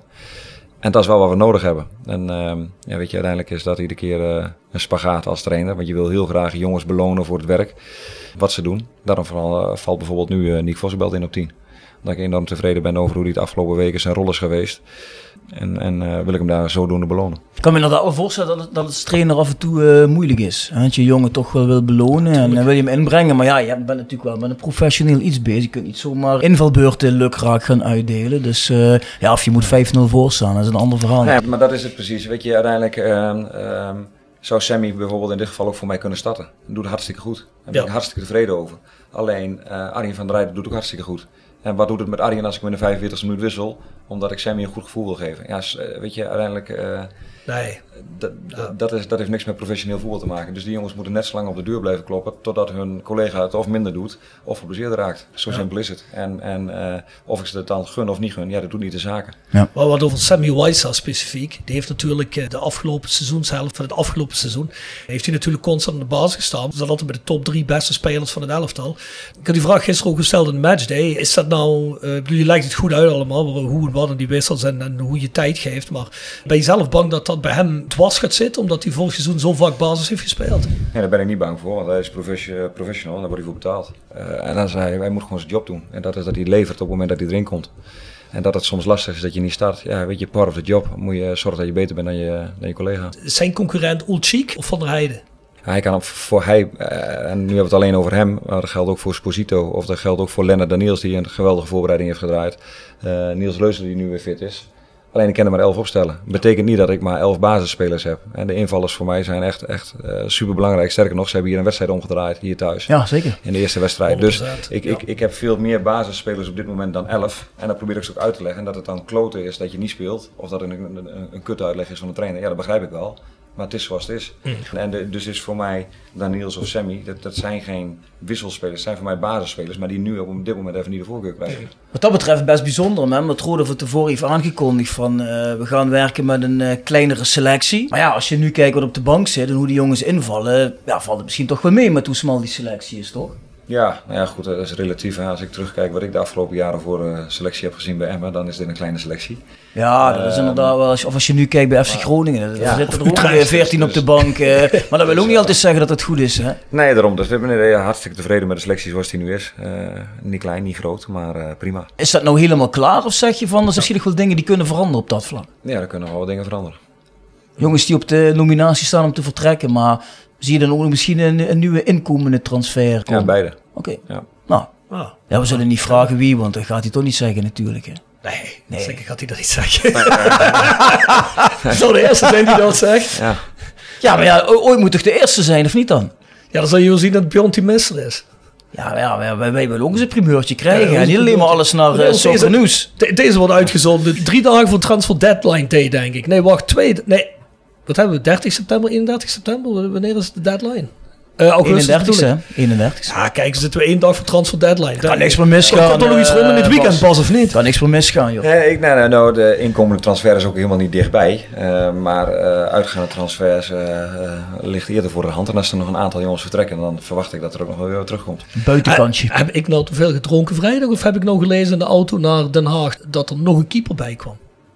Dan heb je echt te veel gezopen. Denk ik. Ja, is dat zo? Ja, ja volgens, mij heb, je nou, volgens mij heb je nog veel meer gedaan dan gezopen. Als je dat soort gekke vragen gaat stellen. Maar ik heb je al gezien daar, ja, dat was niet best. Ja, ja zeker. Je noemt net Nick Vossenbelt. Vorig seizoen een van de jongens die mentaal er eigenlijk er goed in zat. Beginnen vaak vanaf de bank. Zo'n jongen als Vossenbelt, wat ouder, goede instelling. Hoe belangrijk is zo'n jongen voor de kleedkamer? Uh, belangrijk, net als andere jongens uiteindelijk uh, wil hij niet belangrijk zijn voor de kleedkamer, hij wil spelen. Nee, tuurlijk. Ja, weet je, en dat geldt voor iedereen. Maar uh, ja, we hebben complimenten aan Nick gegeven van de week over uh, hoe hij op trainingsveld staat. En hoe hij zijn ding doet in de, in de wedstrijden met, met de invallers. Maar ik moet eerlijk zeggen, weet je, daarin wil ik geen stiefkinderen maken hoor. Want dat is echt geen één uitgezonderd. Dat doen ze allemaal. Ja, dat is goed om te horen. Ja, dat is inderdaad top straalt ook uit alsof het een uh, homogeen uh, geheel is. Zeg ja, dat is wat, ah, Bas, mooi. dat is wat Bas net zegt. Je kon echt merken in die wedstrijd tegen Helmond, ja, de tweede helft, je kwam niet echt in de problemen, vond ik. Uh, het was niet echt dat je dacht van oké, okay, nu gaat die aansluitingstreffer echt vallen. Ze, ze duwden wel. Maar toen er gewisseld werd, toen die drie jongens erin kwamen, was er wel meteen een andere wedstrijd. En dat, dat hebben we ook een paar seizoenen niet gehad, dat je van de bank mensen had die de wedstrijd konden omdraaien. Dat vond ik wel een heel erg hoopgevend iets ook. Ja goed, je scoort nog twee keer aan de wedstrijd, is natuurlijk klaar dan op dat moment. Dus. Nee, en dat, maar kijk, we weten, de kerkraad daarna kan wel eens pessimistisch zijn. Maar ik denk ook dat het zo is dat eh, als je ziet dat daar een ploeg staat die er echt alles aan doet ja, dan, dan kun je ook eens een keer verliezen. En dan is het geen probleem. Dat hebben we in het verleden ook vaak gezien, hè? Ja, maar dat hebben we ook al vaker gezegd. Hè? De reden waarom wij ook vaak negatief waren, was niet zozeer omdat wij niet wonnen, maar de manier waarop we verloren. Ja. en dat, dat, dat, is, dat is frustrerend, omdat je als supporter je zit hier elke keer. Ik durf te beweren dat ik, als ik er ben, mis ik geen enkele wedstrijd. Ik kom nooit niet naar Roda omdat ik denk, dat is geen niveau. Ja, je bent supporter of je bent het niet. Maar dat is wel frustrerend om te zien dat wedstrijd na wedstrijd eigenlijk uh, er niet van afstraalt. Heb ik nu al nog twee wedstrijden meer als ik dat een heel vorig seizoen heb gehad. Daar ben ik wel blij want ik vrijdag kan voor mij niet snel genoeg komen. Nou, dat gaat Ruud Brood nog komen, hè? Er komt net op Twitter het bericht binnen dat Bangura heeft getekend, hè? Alleen ja. uh, kunnen we 1, 2, 3 niet zien uh, voor hoe lang. weet jij dat? ja, dat weet je natuurlijk wel. Mag je dat wel met ons delen? Ja, ik, ik, moet eerlijk zeggen dat ik dat zelf niet eens zo goed weet. Ik denk dat hij voor twee jaar heeft getekend, maar ik, ik durf het niet met zekerheid te zeggen. Nou, ik denk dat dat de achterban toch wel tot tevredenheid zal uh, stemmen, hè? Een populaire jongen. Moet dat er nog eens worden of zijn bijnaam, hè? Bang Bang Bangura? Ja, ik heb Bang Bang Bangura gezien en Boom Boom Bangura heb ik gezien. Uh, ja, maakt niet uit, joh. Ja, maakt niet uit. Maakt niet uit. Hey uh, Bas, ja, je hebt de Voice of Calais wel eens geluisterd, zeg je. Ken je ook, uh, ik moet hem even erbij pakken. Ken jij Giacomo Verigi? Nee, zeg me niks. Ken je niet? Nou ja, dat is een uh, rode supporter uit Palermo in Sicilië. Nou, hij is fan van Rode en hij is fan van Palermo. Hij heeft jarenlang vroeger hier gewoond op in Simpelveld. En hij stuurde mij ook een appje. Ciao trainer, ik ben Giacomo de Palermo Sicilia. Van 25 jaar, ik ben een grote fan van Roda. Soms mooi, soms stronzo. Laatste jaren Roda was als de mooiste club op de wereld. FC Palermo, leek wel maffia. Uh, nu correcte mensen aan de top, zoals jij zelf. Eén tip van mij, zegt hij, leer Italiaans. Dan heb je goede kansen hier bij FC Palermo trainer te worden. Of heb jij andere ambizioni? Dus hij zei, wat is de ambitie van uh, Bassi Bum? Ooit FC Palermo? Of zeg je van, nou, moet toch een andere kant op? Nou, ja, zal je niet verbazen, maar ik ben niet zo van, uh, van plannen. Omdat ik niet, uh, niet het idee heb dat dat uh, iets uithaalt. Zowel als, als speler niet en als trainer ook niet. Want ja, weet je, uiteindelijk weet je niet hoe het loopt. Dus uh, mijn ambitie is dit jaar play-offs halen met, uh, met Roda. En ja, daar vind ik ver genoeg vooruit gekeken, moet ik zeggen. Nou, da daarmee is ook de vraag van Sander Kulle hier beantwoord. Want die zegt, wat wil je met deze selectie bereiken? Daarmee is hij toch beantwoord de vraag, denk ik. Hè? Ja. Verder hebben we hier nog, want ik, ik handel even een aantal vragen af snel. Waarom krijg jij die allemaal binnen? Ja, omdat jij niet op mijn Instagram zit, vriend. Ja, zit directe promotie erin voor het team. Hebben het begin al afgehandeld. Dat is een beetje te snel. Um, ook de Rode de Boer vraag van uh, Sean Krings is denk ik beantwoord geweest net. Wat hebben we hier nog? Ja, Maratomi 91 zegt, in verband met vrije vragen, wordt Rode JC in april of pas in mei kampioen? Nou, no pressure uh, Bas. Dus, uh, hè? dus vindt helemaal niet dat je kampioen moet worden. Even kijken. Na zo'n sterke start kunnen we dat tempo ook zo het hele seizoen aan. Er is eigenlijk nog allemaal niks over te zeggen, toch? Nee, nee, weet je, komt iedere keer op hetzelfde neer. Hè? We zijn nog maar twee wedstrijden onderweg, ja, dus ja, ja, dat is een beetje eentonig. Ja. Krijg je wel de vraag, vind jij nou dat die jong teams, dat het competitievervalsing is? Het zal, uh, ik denk dat dat bedoeld wordt omdat ze natuurlijk met wisselende selecties kunnen spelen. Hoe kijk jij er tegenaan? Ja, nou ja, dat. Uh, weet je, uiteindelijk kan uh, Rode uit of Nak uit voor hun een hele interessante wedstrijd zijn als het gaat om een, een, mooie, goede uitwedstrijd. En kunnen ze een hele goede ploeg neerzetten. Om vervolgens tegen een andere club thuis met de veredelde onder 21 te spelen. Ja. Ja, ik vind dat niks. En ik vind dat het niet zo hoort. Maar uh, volgens mij is dat wel een uh, eensgezind geluid in, uh, in voetbal in Nederland. Ja. ja, want je hebt natuurlijk in, in, in Duitsland en Spanje geloof ik in dat soort landen. Hè, um, daar ben je verplicht om, als je een tweede elftal speelt, dan mag je geen spelers mee uitwisselen met eerste teams. Hè. Dus het is echt gewoon een elftal op zich staand. Mm. Ik geloof dat je per uitzondering kun je geloof ik één of twee spelers mag je overhevelen in het seizoen. Maar dat is het dan ook. Want het maakt hier nog wel wat uit als je op de vrijdagavond tegen jonge Ajax speelt of op de maandagavond. Hè? Precies. En uh, weet je, uiteindelijk uh, kan dat niet. Maar vanuit, vanuit de topclubs gezien uh, snap ik het. Van wat is er mooier aan dan jongens opleiden in, in, deze competitie onder weerstand. En je hebt over een jaar of twee jaar echt hele goede spelers. Ja, dus vanuit, vanuit die clubs geredeneerd snap ik het. Vanuit het perspectief van Topos, Roda, Dordrecht. Ja, is het een soort van competitievervalsing. Ja. dat is nou wel een heel raar rijtje. Hè? Ja. Trainer, top, os, uh, Roda, toch niet zijn. ja. Dat is wel heel erg de verwachtingen nou, alle, alle, andere clubs dan uh, de, de top drie met, uh, met jong teams. Dan zie je hoe dat het collectieve geheugen waar Roda al in zit de laatste jaren. hey, ik heb ook nog een vraag binnengekregen, jongens, als ik hem even tussendoor mag gooien. Even kijken, trainer, alle spelers lijken heel veel plezier te hebben in het huidige spel. Wat maakt dat het zo goed klikt binnen de selectie, maar ook alle geledingen eromheen? komt Komt dat door die twee overwinningen? Of wat is de grootste ingrediënt voor de goede sfeer? Winnen helpt altijd, want winnen zegt meer dan duizend woorden. Dus daar ben ik van overtuigd dat het helpt voor de sfeer. Uh, neem niet weg dat de sfeer voordat de competitie begon eigenlijk net zo was zoals die nu is. Dus de omgang van deze jongens met elkaar, onderling. Uh, ook met de staf, ja, vind, vind ik eigenlijk waanzinnig. Zowel binnen het veld als buiten het veld. hechten ook veel waarde aan, moet ik zeggen. Dus dat ze dit zo oppikken en zo onderling met elkaar omgaan ja, chapeau. Maar hoe ontstaat dat? Want ik neem aan dat Jurgen Streppel vorig seizoen bij de voorbereiding ook uh, hoopt dat er een uh, goed team ontstaat. Nou, dat gebeurt niet. Nu gebeurt het wel. Is dat iets wat je actief kunt beïnvloeden? Of hoe heb jij dat geprobeerd erin te brengen? Uh, door aan de voorkant gesprekken met elke speler te voeren waarmee we van plan zijn om, om te contracteren. Daar gaat, zeg ik, dat is veel tijd en energie in zeker. Dat wil ik wel uitleggen, want we gaan met elke speler in gesprek hier of elders voor, um, voordat we überhaupt een aanbieding doen. En ehm, dan is er ook al geïnformeerd bij uh, vrienden, familie, collega's, ex-trainers, wat voor persoonlijkheid het is, wat voor mens het is, uh, zowel op het veld als naast het veld. En dat vind ik net zo belangrijk als de voetballende kwaliteiten. En daarna worden er heel veel beelden bekeken. Dus ik wil in ieder geval minimaal twee, twee meestal drie wedstrijden gezien hebben voordat ik in gesprek ga worden de beeldjes geknipt. Gaat Matthias Maurer, trainer en videoanalist, maakt daar een, uh, een mooie presentatie van. En dan gaan we in gesprek. Ah, is wel interessant, hè? Is wel interessant. dat is ook een beetje wat Rob Serven natuurlijk zei. Van ja, als je dan hier op een gesprek komt en je zit een beetje onderuitgezakt met een Gucci-tasje om, ja, dan ben je misschien niet het type wat wij op dat moment uh, zoeken. Nou ja, ja, dat stopt wel heel erg in hockey. Want uh, ook iemand met een Gucci-tasje zou misschien nog wel kunnen, pakken, uh, kunnen passen. Maar, maar ik, ik, ik snap wat je bedoelt. Dus, maar dat is precies de insteek van ons geweest. We hebben geselecteerd op karakters. Lijkt me heel moeilijk. Zelfs als je veel mensen vraagt, natuurlijk is het heel, natuurlijk heel moeilijk in te schatten is zo'n jongen echt zoals wij hem nou inschatten dan op basis daarvan of niet? Want ik kan me best voorstellen dat in de tijd van Jurgen Streppel dat hij dan misschien ook wel eens gesprekken heeft gehad en dat het toch bleek naar de hand dat bepaalde jongens er toch niet zo uitkwamen als je dacht dat ze eruit kwamen. Maar lijkt me over het algemeen moeilijk, want je leert natuurlijk mensen pas over een bepaalde ja, tijd kennen. Ja, maar dat is, weet, je bent nooit 100% zeker. Nee. Maar uh, de beste scouting is wel gewoon door teamgenoten, ex-trainers of huidige trainers te vragen. Want die weten precies wat voor vlees ze in de kuip hebben, uh, wat voor teamgenoten ze hebben. Dus als je, als je daarin veel contacten hebt in de, voetbal, in de voetballerij, dan helpt dat enorm. En dan kun je, is natuurlijk wel, hoe meer referenten dat je spreekt, hoe groter de kans dat je dan ook een beter beeld hebt. En, en, je, je kunt filteren. Dus weet je, je krijgt ook niet van iedereen positieve uh, reacties terug. En haal je hem uiteindelijk misschien toch. Dus, dus kun je dat met 100, 100% zekerheid aan de voorkant zeggen? Nee. Maar ik denk wel dat je heel veel... Uh, heel veel er wel over kan vertellen en heel veel kan wegnemen of twijfel kan wegnemen door wel heel veel te informeren. Um, en dat hebben we gedaan. Heb jij nou ook nog jongens gehad waar jij, uh, waar jij vandaag, nou ja, die zou ik eigenlijk wel heel graag willen hebben, maar als een proces bleek dat, uh, dat gewoon karaktertechnisch niet goed in elkaar zat. Zonder namen te noemen overigens. Hè? Uh, ja. Nou, kan ik me goed voorstellen. En, en nu je met ons hier een uur in gesprek bent, vind je ons nou ook sympathieker dat je na het luisteren van de podcast had uh, gedacht? Uh, nee, maar ik, ik zei ook niet dat ik jullie niet sympathiek vond. Ik zei, ik, ik, zei, ik zei dat je over het algemeen negatief vond. Dus, en kan, maar dat kan ik ook. Ik, ik, ik zeg ook niet dat ik het niet begrijp. Alleen ik, ik merk het sowieso wel. Hè, en uh, jij zei net ook wel over de. Uh, als je uit Kerkraad komt, dat het misschien iets meer in de inborst zit dan elders. En, en ik merk dat heel erg.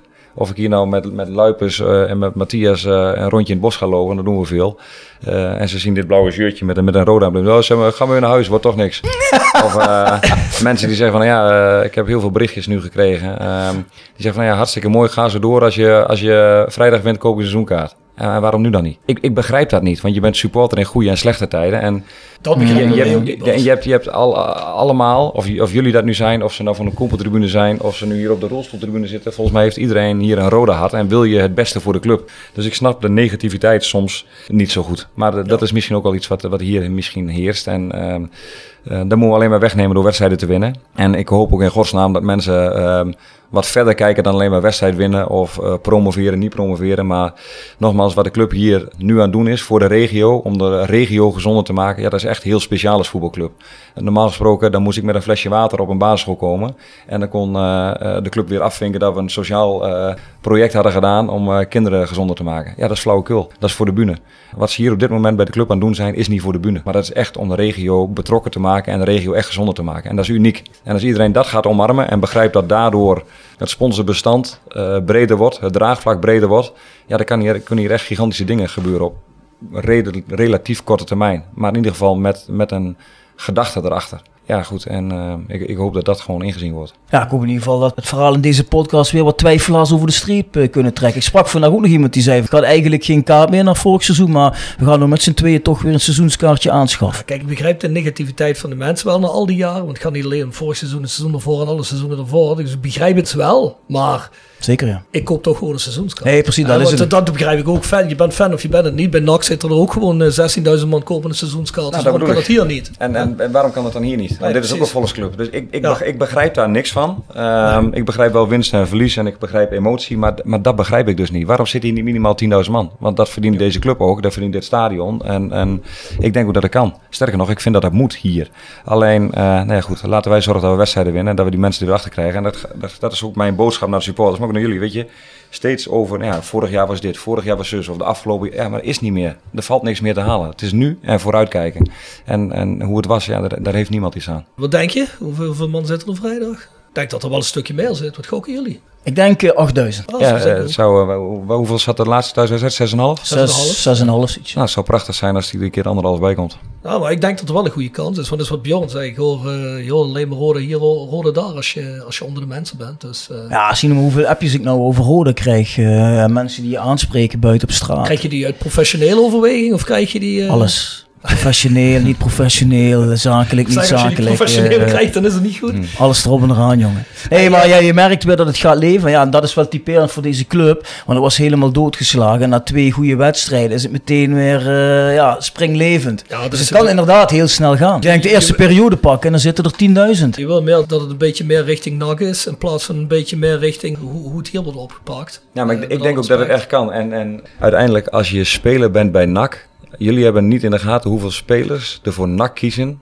omwille van het publiek. Oh, dat geloof ik meteen. En dat is Ja. waanzinnig. Als je, als je zo'n cultclub kan zijn... en dan gaat het niet om dat ik bij Emmen gewerkt heb... maar als je gezien hebt hoe die club veranderd is van inderdaad... te weinig supporters naar volle bak... en hoe die supporters achter de club zijn gaan staan... ook als ze twaalf keer op rij verloren... Eh, je krijgt een soort cultstatus. Dat stadion is nu gewoon uitverkocht. Dat doet zoveel met een speler. Of je nu uitgefloten wordt of voor 8 of 10.000 man speelt. Alleen, ehm, dat heeft de achterban nog niet altijd in de gaten wat dat voor een ploeg kan doen. Eh, iedereen die heeft wel gehoord of gelezen over 12e man. Maar dat is echt zo als speler. Dat je voelt op het moment dat je de warming-up gaat doen of dat je een veld opkomt, dat je ergens niet meer kan verliezen dan zo'n thuiswedstrijd. En, Hoe ja, hebben ze dat bij Emmen eigenlijk gedaan? Want dat was toch eh, tien jaar geleden het lelijke eentje van het Nederlandse voetbal, hè? FC Emmen. Nu is het op zich best een eh, springlevende club. Wa- Wat is daar gebeurd? uiteindelijk natuurlijk een soort van uit het niets gepromoveerd. En eh, toen wilde iedereen weer bij de club horen. En dat is gewoon zo gebleven. Bij uiteindelijk twee keer, een keer gepromoveerd, gedegradeerd. Mm. eh, en, en kampioen geworden en weer gedegradeerd. En vervolgens weer 8000 seizoenkaarten verkocht. Omdat iedereen hield weer van de club. Omdat we, nou ja, doe maar gewoon, eh, doe je al gek genoeg. Eh, dat, dat werd heel erg omarmd in de regio. En in de omliggende dorpen, ehm, nou, een beetje net als hier, hè, een paar keer geholpen door eh gemeente, door de overheid en de provincie. Ehm, en dat was, dat was Emmen het lelijke eentje en niemand wilde daarmee bij horen. En, en nu gingen we op de platte kar door drie, vier verschillende dorpen omliggend om Emmen. En stonden daar mensen met eh Emmen-shirtjes of trainen de kinderen in Emmen-shirtjes. Ja, weet je, en dat is waanzinnig als je dat kan omdraaien. En, ik snap wel dat het eh, te maken heeft met winst of verlies of succesvol zijn, want dan wil iedereen daarbij horen. Maar eh, ja, inderdaad, nak, nak stijf uitverkocht. Ga er maar heen als eh, uitspelende ploeg, avondje nak. Ja, ja Ja, ik vind dan, trouwens eh, ook hoe ze de betwent hebben gedaan, vind ik schitterend. Je kunt voor Joop Monsterman zeggen wat je wil. Dat, dat hebben we al eens over gehad in deze podcast. Hè? Die man die heeft natuurlijk financieel heeft hij ook wel kapot gemaakt daar.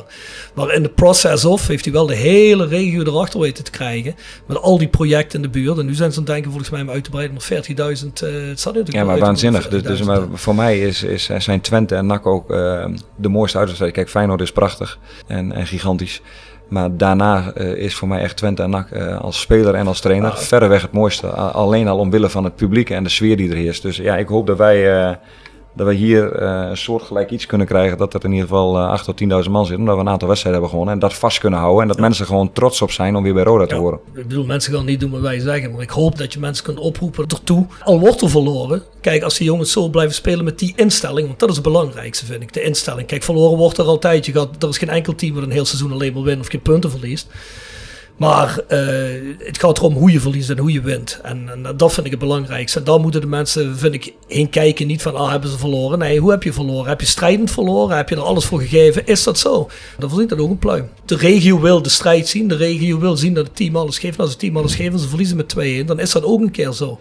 Nou ja, goed, dan vind ik, dan verdient dat wel dat je, dat je er wel op de tribune zit en probeert te ondersteunen. Ik heb het altijd raar gevonden waarom dat in Breda wel kan en hier niet. Want wat heeft Breda nog meer dan wat wij hebben? Ja, ik vond ook altijd raar van, weet je wel, mensen die, uh, die dan wel komen in de eredivisie. Ik bedoel, ik ga toch voor Roda kijken, toch niet voor de tegenstander? Wat maakt mij dat nou uit of het Roda Feyenoord is of, of Roda tegen de Graafschap in de KKD? Ah, de eerste paar seizoenen vond ik het zelfs leuker om uit naar Tobos te gaan, want toen was ik nog nooit geweest. Ja, ja precies. Nee, nou. maar ja, dan denk ik, ja, mij gaat het om Roda en de tegenstander uh, zal de worst ja. wezen in principe. Ja, ik, hoop, ja, dat veel meer mensen hebben. Kijk, die, die gasten die voor ons onze videokamer hebben gemaakt, de catacombe hebben gemaakt. Nou, dat soort mensen, uh, dat is goud waard voor een club. En ik hoop dat die er veel meer zijn. En die hebben ook als leus uh, in de videokamer waar wij heel veel voor toe geschreven. Uh, wie strijd kan verliezen, maar wie niet strijd heeft al verloren. Ja, dat is precies waar het over gaat. In ieder geval uh, lees ik nu net twee seizoenen met de optie voor nog één seizoen voor Saidu Bangura. Dat dacht nou, ik al. Mooi voor de jongen. Ja, heel mooi. Jongen van Kerkrade, we zullen het zien. De aftrap. Sportcafé De Aftrap presenteert De Aftrap. Sportcafé De Aftrap is dé plek in Kerkrade om sportwedstrijden te kijken terwijl je geniet van onze uitgebreide biercollectie en heerlijk eten. Van overheerlijke loaded fries tot onze befaamde cocktails. Je geniet ervan terwijl je Premier League, Bundesliga, Air en Eerste Divisie, Formule 1 en nog veel meer kijkt op een van onze schermen. Sportcafé De Aftrap. Ouderwets gezellig sport kijken met vrienden. Tevens gesteund door Van Ooyen Glashandel. Sinds 1937 vervangen en repareren wij al uw glas met veel passie en toewijding. Met 24 uur service. www.vanooyen.com Tevens gesteund door Roda Arctic Front. Bas, we hebben rubriek de aftrap. Hoe trap jij een wedstrijddag af? Ben je al heel vroeg op de club? Slaap je uit en uh, ga je dan naar de club toe? Hoe gaat dat in zijn werk? Nee, heel vroeg op de club. Uh, van tevoren even sporten. Zoals ik net zei, hè, we zijn de laatste keer uh, zijn we aan hardlopen. Ja, Mark noemt dat de groene long. Hè. Het is voor hem hmm. echt herhaling van zetten natuurlijk. Die is lang niet geweest, maar die gaat nu weer hardlopen in het bos waar hij vroeger moest uitlopen. Dat is hieronder. Met Gaia. Met Gaia ja, ja, juist. Ja, dat is groene long, ja. Ja, dus uh, nou, dan gaan we, daar, gaan we daar hardlopen. En dan, uh, ja, weet je, een uur of vijf voor de wedstrijd. En dan uh, ja, hier naartoe. En dan langzaam naar de wedstrijd toe leven. Jij komt heel nuchter over. ben je dan ook iemand, net als wij en René Tros ook, die dan uh, s'morgens toch een keer extra naar het toilet moet? Of ervaar jij die spanning helemaal niet zo? Nee, nee, eigenlijk niet. Nee? nee eh, de, de, spanning bouwt zich natuurlijk wel iets op rondom wedstrijden. Maar ik, ik heb meer altijd heel veel zin in de wedstrijd. Omdat je dan, ja, weet je, eh, wedstrijd is uiteindelijk het leukste wat er is. Een gezonde spanning. Ja, en gewoon benieuwd naar, ja, ja, je kunt als trainer weinig meer doen. Uh, je hebt het gedurende de trainingsweek gedaan. Je bent gewoon nieuwsgierig naar die jongens. Of ze dat kunnen doen wat je graag wil. En of ze gewoon kunnen leveren. En dat, dat is wel, dat vind ik echt, dat vind ik echt als de wedstrijd is. het is vrijdag. Ik heb denk ik vrijdag wel tijdens de Groene Long gezegd, oh mooi jongens, vandaag wedstrijddag. Waarom het hier zijn? Nou, hou, nee, nu eens op. Maar, maar bedoel, laten we eerlijk zijn. Uh, een trainer wil toch ook graag winnen, want het is voor zijn cv en zijn carrière het alleen maar goed. Ik bedoel, uh, ik kan me voorstellen dat het toch een element is uh, dat je voor een wedstrijd zenuwachtig bent. Want vijf keer op rij verliezen en bakt er opeens ja, niks meer Maar goed, dat heb ik nog niet ervaren, hè? vijf keer op blijven. Dus ik kan, ik, kan niet, ik kan je niet zeggen hoe ik dan reageer. Maar tot op heden, nou, laat ik zeggen, gezonde wedstrijdspanning, maar niet echt stijf van de zenuwen. Nee, ik kan me herinneren, Ronald Koeman bij Everton. Die zag er na een aantal verloren wedstrijden opeens uit. Uh, zat hij opeens alleen maar nog in het trainingspark ongeschoren. Die dacht echt, die, die man die... Uh... Ja, maar ik kan me ook voorstellen dat je er dan ook absoluut niet vrolijk meer van wordt. Als de druk hoger is, als er veel meer pers is, dat, er, dat om veel meer geld gaat en, en, en um, op een hoger niveau. Ik, ik, kan me daar alles bij voorstellen. Maar tot op heden gezonde spanning, meer niet. En gelukkig nog niet de ervaring van uh, drie wedstrijden op rij verloren. Heb je een verlengstuk in het veld? Uh, ja, wel meerdere denk ik, die, die nu een goede rol vertolken. Hoe, hoe belangrijk is Congolo in het, eh, het hele proces? Ja, heel belangrijk daarin. Ja, goede speler en ah. uh, fijne gozer. Er staat ook echt iemand, hè? Dat hebben we vorig seizoen wel echt gemist, uh, zo'n speler. Straalt wel wat uit, hè? Maar hij niet alleen. Overigens nee. wel meer jongens, uh, moet ik zeggen. Nee, zeker. Uh, en ook daarin zeg je, eigenlijk doe je iemand tekort als je hem niet noemt. Maar uh, nee, weet je, Boyd rijdt ook geweldig in. En datgene wat je wil doen en het omzetten op het veld. Of andere jongens dingen laten doen wat, wat er besproken is. Ja, dat soort gasten is echt heel prettig. Ja, die lijkt ook als herboren. Hè? Vorig jaar een matig seizoen en nu zie je wat die, uh, waarom die bij Helmond Sport eigenlijk altijd als een van de betere spelers daar uh, genoemd werd. Ah, blij om. De jongen los eindelijk zijn belofte een beetje in. Wat, wat, welke dingen constateer je Bas waarvan je zegt van nou, uh, we hebben al twee keer gewonnen, maar dat moet toch echt nog verbeteren? Nou, bijvoorbeeld in de eerste wedstrijd verliezen we de controle een kwartier, 20 minuten. Ja, dat vind ik te lang. Hmm. Daarom dan moeten ze sneller een keuze maken of dat we op een andere manier gaan druk zetten of lager of hoger. Um, dus daarin uh, zelf keuzes maken, dat, dat mocht wat sneller. Maar als ik dan zie hoe je dat uh, een week later tegen Den Haag doet, ja, dan gaan dingen soms ook wel in rap tempo heel veel beter. Is het moeilijk voor jou als trainer om dat in, in een wedstrijd in te grijpen en dan dat nog uh, om te zetten? Nou, hier gaat dat nog wel, want je kunt de jongens nog redelijk bereiken. Ik hoop dat over een paar weken bij een thuiswedstrijd een stuk lastiger is. Mm. Uh, dat, dat er veel meer publiek zit. Dus nu gaat dat nog. Anderzijds ging het tegen Helmond Sport hartstikke prettig met, uh, met die drie wissels die erin kwamen. Hey, maar jij zei volgens mij na Den Haag, we hebben de wedstrijd doodgemaakt. Ja, ik stond op die tribune en na die eerste helft had ik zoiets, oh lekker, dan komen ze deze kant op, hè? lekker doorduwen. Ja. Um, als je zelf zoiets van, wat doen we? We zitten er lekker in, bijna elke kans is raak. Gaan we het doorduwen of gaan we het gewoon uh, voor de zekerheid... Uh, nee.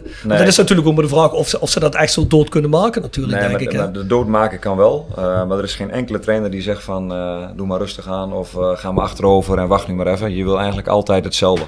Maar je bent, je bent afhankelijk van de tegenstander. Wat doen die de tweede helft? nou, die waren niet bij machten. En ik denk ook dat wij er gewoon na de rust nog twee hadden kunnen scoren. En, en, en zij niet. Dus weet je, en dan heb je het over 0-5. Ja, dan heb je het wel ergens over. Hè? Ja, dus, en, en die maak je dan nu niet. Wat ik wel vond is dat we iets meer risico in het opbouwen hadden kunnen nemen in de tweede helft. Zoals we deden in de eerste helft. Dus dat heb ik ze wel meegegeven. Dat dat, dat, dat wel wat gedurfder had gemogen.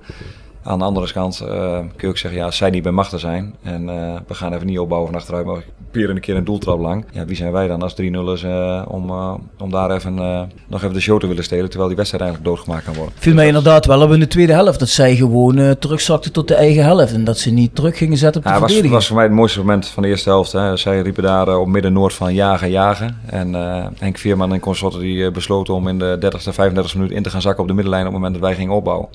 Ja, veel groter compliment kun je niet krijgen. Ben ik wel benieuwd naar in de rust. Hè? Had jij toen bij jezelf zoiets van wedstrijd is in de pocket? Of denk je dan ook zoals wij supporters denken, oh, niet meteen naar rust 1-3 uh, tegenkrijgen? Nee, maar, uh, ja, dat is altijd de vraag. Hè. Hoe kom je, want ik vond ons tegen Helmond bijvoorbeeld heel goed de rust uitkomen, uh, tot aan de goal.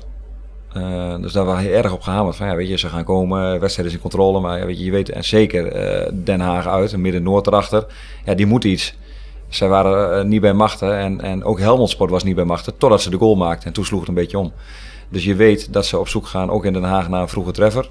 Om, om, om, om nog weer kans te, te, willen hebben. Nou, ze waren niet bij machten en ik vond ook dat wij het gewoon goed deden. Dus, dus, maar het liefst zou je inderdaad willen van dat je nog zo'n hel speelt en een drie of vier maakt. Maar ja, goed, weet je, uiteindelijk uh, ook niet overdrijven. Tegen ADO viel er veel goals uit de directe omschakeling. Hè, met veel ruimte in ieder geval, die die jongens voor zich hadden. Vorig seizoen hebben we nog wel eens een probleem gehad. Dat als dat niet gebeurde, als Kodom, uh, ik zeg maar, bij wijze van spreken het bus geparkeerd werd door de tegenstander. Dat het dan heel problematisch wordt. Dat hebben we nu die twee wedstrijden niet gezien. Er was toen geen plan B. Ik neem aan dat jullie wel een plan B en misschien een plan C trainen toch? Hè, wat dat gaat. Ja, ja, ik ben vooral van plan A heel goed uitvoeren. En uh, ja, plan B is er ook wel. Alleen um, feit is dat ik vind dat wij uh, beide goed beheersen. Zowel vanuit de omschakeling voetballen als opbouwend uh, dominant zijn aan de bal. ik denk dat we dat nu in beide wedstrijden ook hebben laten zien. Dus we kunnen heel goed hoog druk zetten. En als wij lager staan, dan komt de tegenstander er heel lastig doorheen. En zijn wij heel goed in de omschakeling. Dus dan heb je het misschien al wel over een plan A en B. Gedurende de wedstrijd. En, en daarin bedoel ik net ook te zeggen met keuzes maken. Dat ze daarin zelf sneller eigen keuzes maken. En ook al maken ze daarin een keuze die niet helemaal goed is, dat heb ik liever dan dat ze geen keuze maken. En dat vond ik dat ze tegen Helmond Sport niet goed deden. En wat ze tegen Den Haag uitstekend deden. Dat is wel goed voor, dat ze snel oppakken. Voor het seizoen begon, als je dan kijkt uh, of je spreekt met uh, fans, dan uh, was het zorgenkindje bij heel veel supporters eigenlijk het scorend vermogen. iedereen zei van, oh jee, ja, nu gaat Dylan Vente weg, we hebben nog geen opvolger en ja, wie moet dan de goals maken? Ja, nu heb je na twee wedstrijden zeven goals gemaakt en niemand praat meer over gebrek aan scorend vermogen. Ja, hebben wij genoeg scorend vermogen op dit moment? Ja, dat denk ik wel. Uh, maar het is wel lekker als je iemand als Vente in de ploeg hebt natuurlijk... waarvan je zeker bent dat hij 15 plus goals maakt. Mm. Dus uh, had ik Dylan er graag bij gehad? Ja, heel graag. Doen andere jongens het niet goed? Ja, weet je, als je Maxi Smit ziet voetballen in Den Haag... Ja, dat is echt wel uh, heel erg goed. en hetzelfde geldt voor het Sounder of Arjen van der Heijden. Daniels kan erin, uh, Wijzer kan erin. Poirier komt eraan. Dus, wat is dat ja, voor jongen, die, die, die Poirier? wat, wat kunnen we daarvan verwachten? Ja, een waardeloze vent. waardeloze vent. Ja. Nee, nee uh, uh, een hele prettige, prettige kerel. Nou ja, en uh, veel ervaring. En rondom de 16 ja, vind ik hem echt heel erg goed in het, in het afmaken van, van kansen. Kan nog een bal bij zich houden. Dus gewoon een ander type dan, dan Maxi Smit. Hij is wel een erg door de wol geverfde speler. Hè? Dat is hij 32 geloof ja. ik. Hè? Ja. Best wel routinier. volgens mij meer dan 350 competitiewedstrijden op tweede en derde Bundesliga niveau. Het is een beetje een journeyman, maar heeft overal gescoord. Dus ik hoop dat hij dat hier ook kan doen. Ja, twijfel ik niet aan. Ja, hoe zit het met zo'n Zauner? hè? Ik bedoel, is grote onbekende. Hoe komt hij op jullie netvlies? En heb jij meteen door dat hij zeg maar zo cool balletjes afmaakt, één, één tegen één bij de keeper? Nou, het zou arrogant zijn om te zeggen dat je dat meteen door hebt. Eh, Mag je best doen hoor. Nee, nee maar eh, dat is natuurlijk wel een mooi verhaal van hem. Weet je, uiteindelijk ehm, eh, komt hij op test. En Ja. eh, heeft gewoon een slechte testperiode. Speelt twee slechte wedstrijden. En laat bij, dingen, bij vlagen dingen op trainingen zien waarvan ik heel erg blij word. Dus testperiode na de eerste wedstrijd, de eerste trainingen verlengd. Om nog maar eens een keer te zien. Omdat hij niet overtuigd heeft. Maar dat we toch dachten bij elkaar van... Hé, hey, verrek, hier zit wel meer in dan dat hij nu laat zien. Maar was totaal niet fit. Eh speelde een, een, een wedstrijd die eigenlijk slechter was dan zijn eerste testwedstrijd. En toen hebben we wel tegen elkaar gezegd van... Verdomme, deze jongen moet pakken. Ja, weet je, af en toe moet je een beetje mazzel hebben. Ja, zo, Zat hij bij een club of was hij helemaal contractvrij? eh? Nee, hij zat bij, eh, zat bij een club en het contract liep af. Waar, waar komt hij vandaan? Braunschweig. ah, ja, Braunschweig. Ja, ja ik bedoel drie goals. Heb je toch niet fout gegokt, Bas? Nee, maar goed, zo zullen er ook ongetwijfeld nog jongens eh, eh, een keer tussen gaan zitten waarbij de gok net iets anders uitpakt. En, en, en, maar ik vond dit geen gok, want ik, ik vond echt dat, dat we dingen op training konden zien bij hem wat speciaal was. Maar had je dat, hadden jullie, of je, technisch hard gaat er natuurlijk over. Hadden jullie van tevoren eh, dan beelden van hem gezien? Of hoe komt hij binnen? Twan die kent hem nog vanuit zijn periode van Dortmund, drie, eh, drie vier jaar geleden. Als jeugdspeler groot talent, dus die had hem helder op zijn netvlies. Eh, tussendoor wel uit beeld geraakt, hè, door, eh, door Duitsland eh, getrokken. Dus wist niet hoe hij er nu voor zou staan. Nou ja, dan, ga je weer eh, een belrondje plegen naar jongens die met hem gespeeld hebben of trainers die met hem gewerkt hebben. Vervolgens veel beelden kijken. Ik heb trainingsbeelden nog opgevraagd, eh, dus trainingsbeelden bekeken. Eh, vervolgens gewoon gezegd ja weet je, eh, kom maar voor een stage, ben je, sta je ervoor open? Nou, dat stond hij wel. Ja, mooi verhaal. En, en, en bij Maxi Schmid eh, ook via iemand bekend? Ja, Misschien ja, ook Twan dan? via de club, hè. Dus uh, Twan kent heel veel spelers over de grens. Dus, dus ook zodoende bij hem uitgekomen. Tegen Kulten hier gespeeld. Daar waren de vertegenwoordigers van Kulten. Tegen Kulten 2 gespeeld. Op dat moment was hij mee op trainingskamp met de eerste ploeg. Daar speelden wij een ongelooflijk goede wedstrijd tegen. Waardoor hun eh, beleidsbepalers ook wel onder de indruk waren van de manier van spelen en de gedachten. En de gedachte dat Maxi daar goed bij zou passen. En vanaf toen eh, heeft het volgens mij een week geduurd voordat het rond was. Zo mooi hè, hoe dat dan allemaal net een beetje samenvalt. Hè, en dan uiteindelijk tot een transfer komt. Hè. Dat, weet, ja, dat onttrekt zich allemaal Ja, aan ons zich natuurlijk. Is, is ik het ook uitgeleend interessant. toch? Hij is geen transfer toch? Nee, nee het wordt, eh, wordt gehuurd van. Ja, gehuurd. Ja, dat is natuurlijk altijd het jammer. Hè. Als een jongen zich dan zo gedurende zijn seizoen ontwikkelt. Volgens mij heeft hij bij Keulen bijgetekend tot 2025, zag ik hè. Ja. is toch eigenlijk jammer hè, dat je, dat je misschien, ja, daar zijn we wel heel ver voor aan het denken, maar dat je zo'n jongen misschien kwijtraakt. Wordt er dan ook al in het kader daarvan gepraat van, ja, zou het eventueel mogelijk zijn is dat we die jongen overnemen? Nee, maar dat was kansloos. Dan praat je over miljoenen. Ja, dat denk ik. Het is wel eerst FC boost. Nee, maar er wordt overal over nagedacht. Eh, ehm, kan ik je vertellen. Dus ook om jongens eh, liever te binden dan te huren. Ja. Maar je bent niet altijd in staat om jongens zomaar over te nemen. Kijk, er worden geen transfersommen betaald. Dat is simpel. Eh, dus moet je creatief zijn. En af en toe dan eh, mensen met meer kwaliteit, eh, als je die dan kan huren, ja, die kunnen je ook gewoon een jaar verder helpen. En dan, dan zie je dan wel weer, want dan ben je een jaar verder. En eh, staan er misschien spelers of clubs weer anders ten opzichte van Roda dan dat ze nu stonden. Moet Bangoer zover zijn hè? Wie weet. Five Aside? Five Aside. Five Aside wordt gepresenteerd door Massen en Hoebe strafrechtadvocaten. Massen en Hoebe strafrechtadvocaten te Heerlen. Gedreven door kracht, kennis en ambitie. Wordt u een familielid of een bekende verdacht van een strafbaar feit? Kies dan geen gewone advocaat. Kies een gespecialiseerde strafrechtadvocaat. Ga naar onze website www.massenhoebe.nl Stuur ons een e-mail of neem telefonisch contact op. En herberg de Bernardeshoeve. Weekendje weg in eigen streek? Boek een appartementje en ga heerlijk eten met fantastisch uitzicht in het prachtige Mingelsborg bij Marco van Hoogdalem en zijn vrouw Danny. www.bernardeshoeve.nl Tevens worden we gesteund door Wiert's Company. Ben je op zoek naar extra personeel? Bezoek het kantoor van Wiert's Company in het Parkstad Limburgstadion of ga naar www.wierts.com. En Quick Consulting. Ben je een start-up of scale-up en heb je geen budget voor een fulltime financieel manager of CFO? Meld je dan eens bij Quick Consulting. Wij hebben jarenlange ervaring in deze scene en helpen je met het organiseren en toekomstbestendig maken van je financiële processen of met het vinden van funding om ook jouw business te laten vlammen. Wil je graag een keertje kennis maken? Vind ons op LinkedIn en neem contact op met Patrick. Heb jij een minivoetbalteam waarmee jij een minivoetbalcompetitie gaat winnen met rode spelers? Of ex-rode spelers? Eh, moet ik beginnen met een keeper zeker hè? Ja, of je moet zonder keeper spelen, moet Ja, je dat zelf kan weten. ook. Dat kan ook. Eh, Gerry Zende, sowieso. De Schier. De Schier. Uh, Luipie. Ehm, nou, een beetje creativiteit. Ronald Lama. Ronald Lama. Ja. Die wordt niet vaak genoemd, hè Bjorn? Nee, maar was wel Nou, een weet je, prachtige de- speler. Ik heb, ik heb wel vaker gehoord, weet je, het zijn allemaal, eh, weet je, dan moet ik allemaal de, de verdetters van Waleer opnoemen, hè. De, de Van der Leur en de, de Nee, Kok dat- en- maar ik, ik ga Liefst niet even het liefst originele spelers. Meer Dus, gewoon, eh, hm, hm, hm. hoeveel heb ik er nu? Drie? Drie? Ja, zeg Koejevic op de goal. Ik ga gewoon met een keeper spelen. Eh als je het toch over een tijger in de goal hebt en een goede gozer. Uh. En Sekou Cissé. Dus eh, uiteindelijk was Kone was voor mijn tijd. Sekou heb ik dan zelf meegespeeld. Maar als je het hebt over een, eh, een lieve jongen die ongelooflijk veel kwaliteit had. Ja, zou, ik zou hem een knuffel willen geven. Dus dan eh, komt hij ook in, in, in het elftal. Nice. Dat was trouwens wel een bijzondere quote uit een interview met jou. Dat je zei van ja, we hebben gezocht naar lieve jongen, goede lieve jongens. Maar ik neem aan dat je toch, ja, op het veld weet je niet alleen maar lieve jongens. Nee, in het veld moeten ze zo gemeen zijn als de pest. Maar daarbuiten ben ik op zoek naar fijne gasten. Dat bedoel je met lieve jongens, dus buiten het veld gewoon goede, goede kerels. Ja, en in het veld kunnen ze me niet gemeen genoeg zijn. Ja, nee, maar meen je dat ook echt? Ja. Maar gemeen...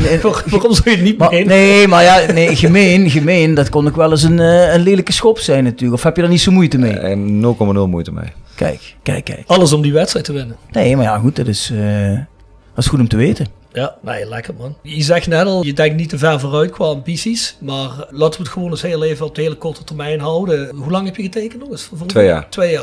Het is wel een beetje kort, hè? Mag toch wel een jaartje of twee bij, denk ik, toch? Bas, kom op, hey, eh, de kinderen zitten hier net op school. eh, dat is een beetje kort, twee jaar. Dan gaat, dan gaat Ise moet kiezen hè, waar ze naar school gaat. Dus ik vond het een mooi moment. Ja, maar luister, als Bas hier echt wat opbouwt, dan zal Bas misschien vanzelf wel zeggen, jongens, verleng me even. Ja, wat ik zei, ik vind twee jaar wel een beetje kort. Ik denk dat een beetje openbreken, hè? Moet je op tijd openbreken als het eh, chemie is in het match. Dan moet Nou, dan je, zou ik zeggen, heb jij Johan straks even? Die Nou, gaat erover volgens mij. Ik denk niet dat hij luistert naar mij. Leven opportunisme. Hè? Hey, maar aan het einde van die twee jaar, want je zal toch een doel hebben op het einde van die twee jaar wil, waar jij wil staan met dit team en met deze club. Nee, echt niet. Nee, ik- Nee, ik, helemaal kijk echt niet? niet vooruit. Nee, het enige wat ik wil, wat we hebben gezegd met elkaar, dus hebben we het over dat technische hart, is dat het stadion vol komt. En dat komt alleen maar als de regio er weer achter gaat staan met normaal beleid. Want dat is toch ook een doel? Dat, maar dat, maar dat, dat is het doel. Het stadion moet weer voller dan dat het is. Dat, dat is echt, eh, en dat is ook, maar dat is ook van deze ploeg. Want daar hebben we het in de voorbereiding over gehad. Er is maar één ding belangrijk, dat het stadion weer voller is dan dat hij nu is. En dat betekent dat we het goed doen. En dat betekent dat eh, de club goed gaat, eh, heel breed gezien met eh, sponsoren, draagvlak, supporters. En als wij het stadion voller hebben, betekent dat het ons goed gaat omdat we wedstrijden winnen. Nee, tuurlijk. Maar ja, dat is natuurlijk die, die, die kip en het ei discussie die we al jarenlang hier in deze podcast voeren. hè. Begint het met goede prestaties of moeten de mensen komen dat ze fan zijn en, en dan gaat het misschien eh, een effect op de ploeg. Ja, eh, Ja, het gaat hand in hand. dat- Uiteindelijk dat, gaat het dat hand in gaat hand in hand. En ja, goed, eh, deze ploeg verdient in ieder geval eh, steun en ik hoop dat we dat vrijdag al gaan zien. Wat er ook gebeurd is vorig seizoen. Kijk, er zitten nu nieuwe mensen. Er zit een technisch beleid. Zitten er veel nieuwe mensen. Eh, ik weet dat mensen wat kritiek hebben gehad op Rob Servet hij aangesteld werd. Dat was vaker eh, ook door onderbuikgevoelens. Eh, dat zal allemaal best, maar als die, als die jongen eh, go- goed technisch presteert, eh, de, de, de, de, trainersteam presteert goed, nou, dat zijn allemaal nieuwe mensen. En die, die, die moeten mensen ook een kans geven. En als je nu ziet dat de eerste twee wedstrijden, en nogmaals, we gaan niet verder vooruit kijken, maar de eerste twee wedstrijden ziet er goed uit. Dus ja, steun dat. Je bent toch niet, je bent toch, je bent toch niet fan om alleen maar te zeiken. Je bent toch ook fan om gewoon naar het stadion te komen. Kijk, uiteindelijk zijn wij podcastmakers die grote, graag... dit is een grote promotiepodcast. Ja, ja maar, maar, maar wij zijn natuurlijk een podcast waar we willen alleen maar positieve podcasts maken. Kijk, ik ben heel positief ingesteld van mezelf, jij wat minder. maar ik hoop dat dat bij jou langzaam ook weer gaat komen. Ik heb jou uit een diep dal moeten mij. Ik, ik, trekken. hoop dat, ik hoop dat dat bij onze vriend Maurice Taylor ook gaat gebeuren. Maurice Stelen is langzaam beginnen denk ik een beetje weer te groeien. Nou, ik, bij- heb, ik heb ook een hele enthousiaste Maurice Taylor in Den Haag gezien. Maurice Stelen, wel. Maurice Stelen wil zelfs naar Jong Utrecht eh, rijden. Nee, Dus dat is- serieus? dat is heel nou, dan is er wel iets gebeurd. Dan is- is er wel iets, is doe je wel iets goed, Bas, met het team. Ja, Ja, ik ken Maurice niet, maar ik begrijp dat hij negatief ingesteld is. Dus laten we dat veranderen. hele Nou, negatieve man. Laten we het zo zeggen, was heel teleurgesteld. Een moeilijke knaap. Ja. De held van de week. Osteopathie Dame presenteert de held van de week. Osteopathie Dame. Praktijk voor osteopathie en kinderosteopathie. Worden uw lichamelijke klachten niet beter? Carlo kijkt met aandacht en kunde naar het probleem. Vestiging in Heerlen en Kerkrade. Bezoek de website en plan direct een afspraak. osteopathiedame.nl Tevens gesteund door Roda Support. Roda Support, het uitzendbureau voor en door Roda supporters. Voor tijdelijk en vast werk bij een van onze mooie opdrachtgevers. Check www.rodasupportnl voor meer informatie en onze nieuwste vacatures. En Klebeljuristen. Heb je een parkeer- of verkeersboete ontvangen en ben je het hier niet mee eens? Wij vechten deze gratis voor jou aan. Dien daarom nu je boete in op klebu.nl. Tevens gesteund door Stichting Vrienden van Roda JC. Wat me net invalt, we hebben de helft van de week vergeten in het begin. Heb je een helft van de week? Held van de week? Ja. Hoeft niet sport te zijn, mag ook wat anders zijn. Heeft er iets of iemand bijzonder veel indruk op jou gemaakt deze week? Of vorige week, of de week daarvoor? Ja, Sivan Hassan, de hardloopster. Ah ja, ja. Zij viel vlak voor de finish. Ik heb wat over haar gelezen, documentaire over haar gezien, hoe het tot stand gekomen is, waarom ze hier is, hoe ze topsport komt. En nu vlak voor de finish neervalt, als ik dan zie hoe zij voor de camera is, waar ze vandaan komt, hoe positief ze ingesteld is. Ja, dat vond ik echt. Ik zei dat thuis uh, tegen mijn vriendin voor de buis van ik, ik enorm veel uh, respect voor dat mens. Dus uh, dat was, was een mooi moment van de week. Ja. Ja, mooi. Kun je er emotioneel van worden? Ja, weet je wel. Zie je het? Ja. Nee, ja. ja. slik je een brokje weg? Ja, nee, maar ja, dat meen ik echt. Ja, dat is echt. Uh, maar dat komt omdat ik weet waar zij vandaan komt en uh, hoe ze beleefd heeft, hoe ze de, uh, het prijzenpakken heeft beleefd de afgelopen jaren, Olympische Spelen, wereldtitels, dat soort dingen. Ja, bijzonder mens. Nee, mooi, zeker. Ben je als trainer, zeg maar, naar je ploeg toe vrij afstandelijk? Of, of, of voer je ook persoonlijke gesprekjes met uh, jongens voor hoe het thuis met ze gaat? Of uh, probeer je dat een beetje die vibe op te vangen van ik zie aan hem dat hij misschien uh, met wat zit. Dan ga ik er met hem over praten. Of laat je dat liever misschien een assistent doen of zo? Nee, wel ook, ook assistent. Dus de, de, ploeg is ingedeeld in groepjes en verdeeld onder andere trainers voor individuele begeleiding. Maar elke speler, of je nu basisspeler of invaller bent, iedere speler krijgt dezelfde begeleiding, ook dezelfde aandacht. Sterker nog, ik wil niet dat er iemand vrijdags naar huis gaat met een klote gevoel. Of dat ze mij een klootzak vinden. Ja, ze vinden mij een klootzak als ze niet spelen en daar heb ik geen moeite mee. Maar het is in ieder geval elke week uh, met iedere speler beelden gekeken, een gesprek gevoerd of een um, video bekeken van wedstrijden of trainingen. Niemand uitgezonderd. Omdat ik het juist zo belangrijk vind om op dat uh, gevoel te zitten en uh, dat we één grote familie zijn. Want we zijn meer met elkaar dan dat we thuis zijn. En iedereen moet weten waar hij aan toe is. Maar iedereen krijgt ook dezelfde aandacht. Mooi, lijkt me een goed recept voor een hopelijk uh, succesvol seizoen. Ja, daar zit op ja, ja, ja, nee, goed. Ik... Ja, jij bent niet zo van de gezelligheid en van het goed met elkaar omgaan. Dat nee, jawel, maar ik, ik, ik, ik wilde al beginnen over missiemaat, maar ik denk dat de trainer dat niet uh, nee, nee, waardeert. De trainer zegt, jongens, doe nou rustig, want uh, dat is onzin. Dus jongens, we, we moeten ons een beetje temperen. Missiemaat, ja. weet je wel wat het is, hè, Bas, of niet? Nee. Uh, ja, de maat is de markt in Kerkrade. Ja. De, de missie, oh, ja, de missie om op de markt te staan. Nee, ik heb het meer gehoord. Laten we er alsjeblieft niet over hebben. Laten we gewoon vrijdag eens even winnen. Vrijdag winnen. Laten we, laten we erover hebben als we de eerste periodetitel te pakken hebben. Ja. Wanneer, wanneer, mogen we er wel over beginnen? Nou, laten we zeggen, als we, als we het nog heel goed doen, uh, wedstrijd uh, 34 of zo. 34? Ja, dan moeten we voorlopig nog even pas op de plaats maken. Dat bedoel ik. Bart Eurlings zei gisteren in de match, nee, dat zei Patrick Wetsels gisteren. Wat als wij de laatste speeldag op één goal niet plek 2 hadden, dan hadden we Den Haag moeten doorduwen. Een beetje Wie zei dat? Een beetje kort door de bocht. Wie zei dat? Wetsels. Ja, maar dat uh, vind ik wel heel erg spannend. Dus wel, wel wat Bas helemaal in het begin zei. Er zijn wel heel veel mensen die naar uh, twee hele goede wedstrijden alle sterren in de ogen hebben. Nee, maar dat is wat ik zeg. Als supporter mag dat ook. Dan mag je je mee laten slepen. Want daarvoor ben je ook supporter. Ik, ik heb nog geen enkele podcast meegemaakt waar wij zo vaak hierover gepraat hebben. En nee, zo maar, vaak erover in herhaling vallen. Maar dat is wel mooi natuurlijk. Want dat betekent dat we enthousiast zijn. Maar hoe, hoe vaak heb jij de samenvatting van Ado Rode gekeken afgelopen week? Ik heb hem iedere dag wel één of twee keer even nou. Ik denk twee of drie keer. Ja. Waarvan ik me de eerste keer niet meer kan herinneren op nee? weg naar huis. Nee, nee die komt niet meer in. maar ja, dat maakt niet uit. Het was een gezellige avond. We hebben er in ieder geval weer zin in. En vrijdag zijn we er weer. Dan gaan we weer voor drie punten. Weer. Ja, heel eventjes snel erop loslaten. Wat wordt het? 3-1. Bas? Daar wil je natuurlijk wel geen uitspraak over doen, hè? Nee, winst. Maar als je... Als je ah, ja, Oké, okay, goed, winst, winst. winst ja, je wil die man er voor het blok zetten. Ja, nee, is toch leuk? Gewoon uitspraak, maak het uit, man. Ik laat me niet verleiden. ik heb wel, ik heb wel eens, ik heb wel eens tegen Joris gezegd, hey, Joris, je hoeft nooit bang te zijn om hier ambitie uit te spreken bij de club. Als het maar met de juiste intenties gedaan wordt, zal niemand op het einde van het seizoen nee. boos zijn. Maar dat is ook wat Bas zelf al zegt. Als jij gewoon uitstraalt dat je wil, wil de hele tijd en je daar ook heen verhoudt voor de spelers op het veld bijvoorbeeld, denk ik niet dat iemand kwaad is als jij straks, wat jij al zegt, achtste wordt.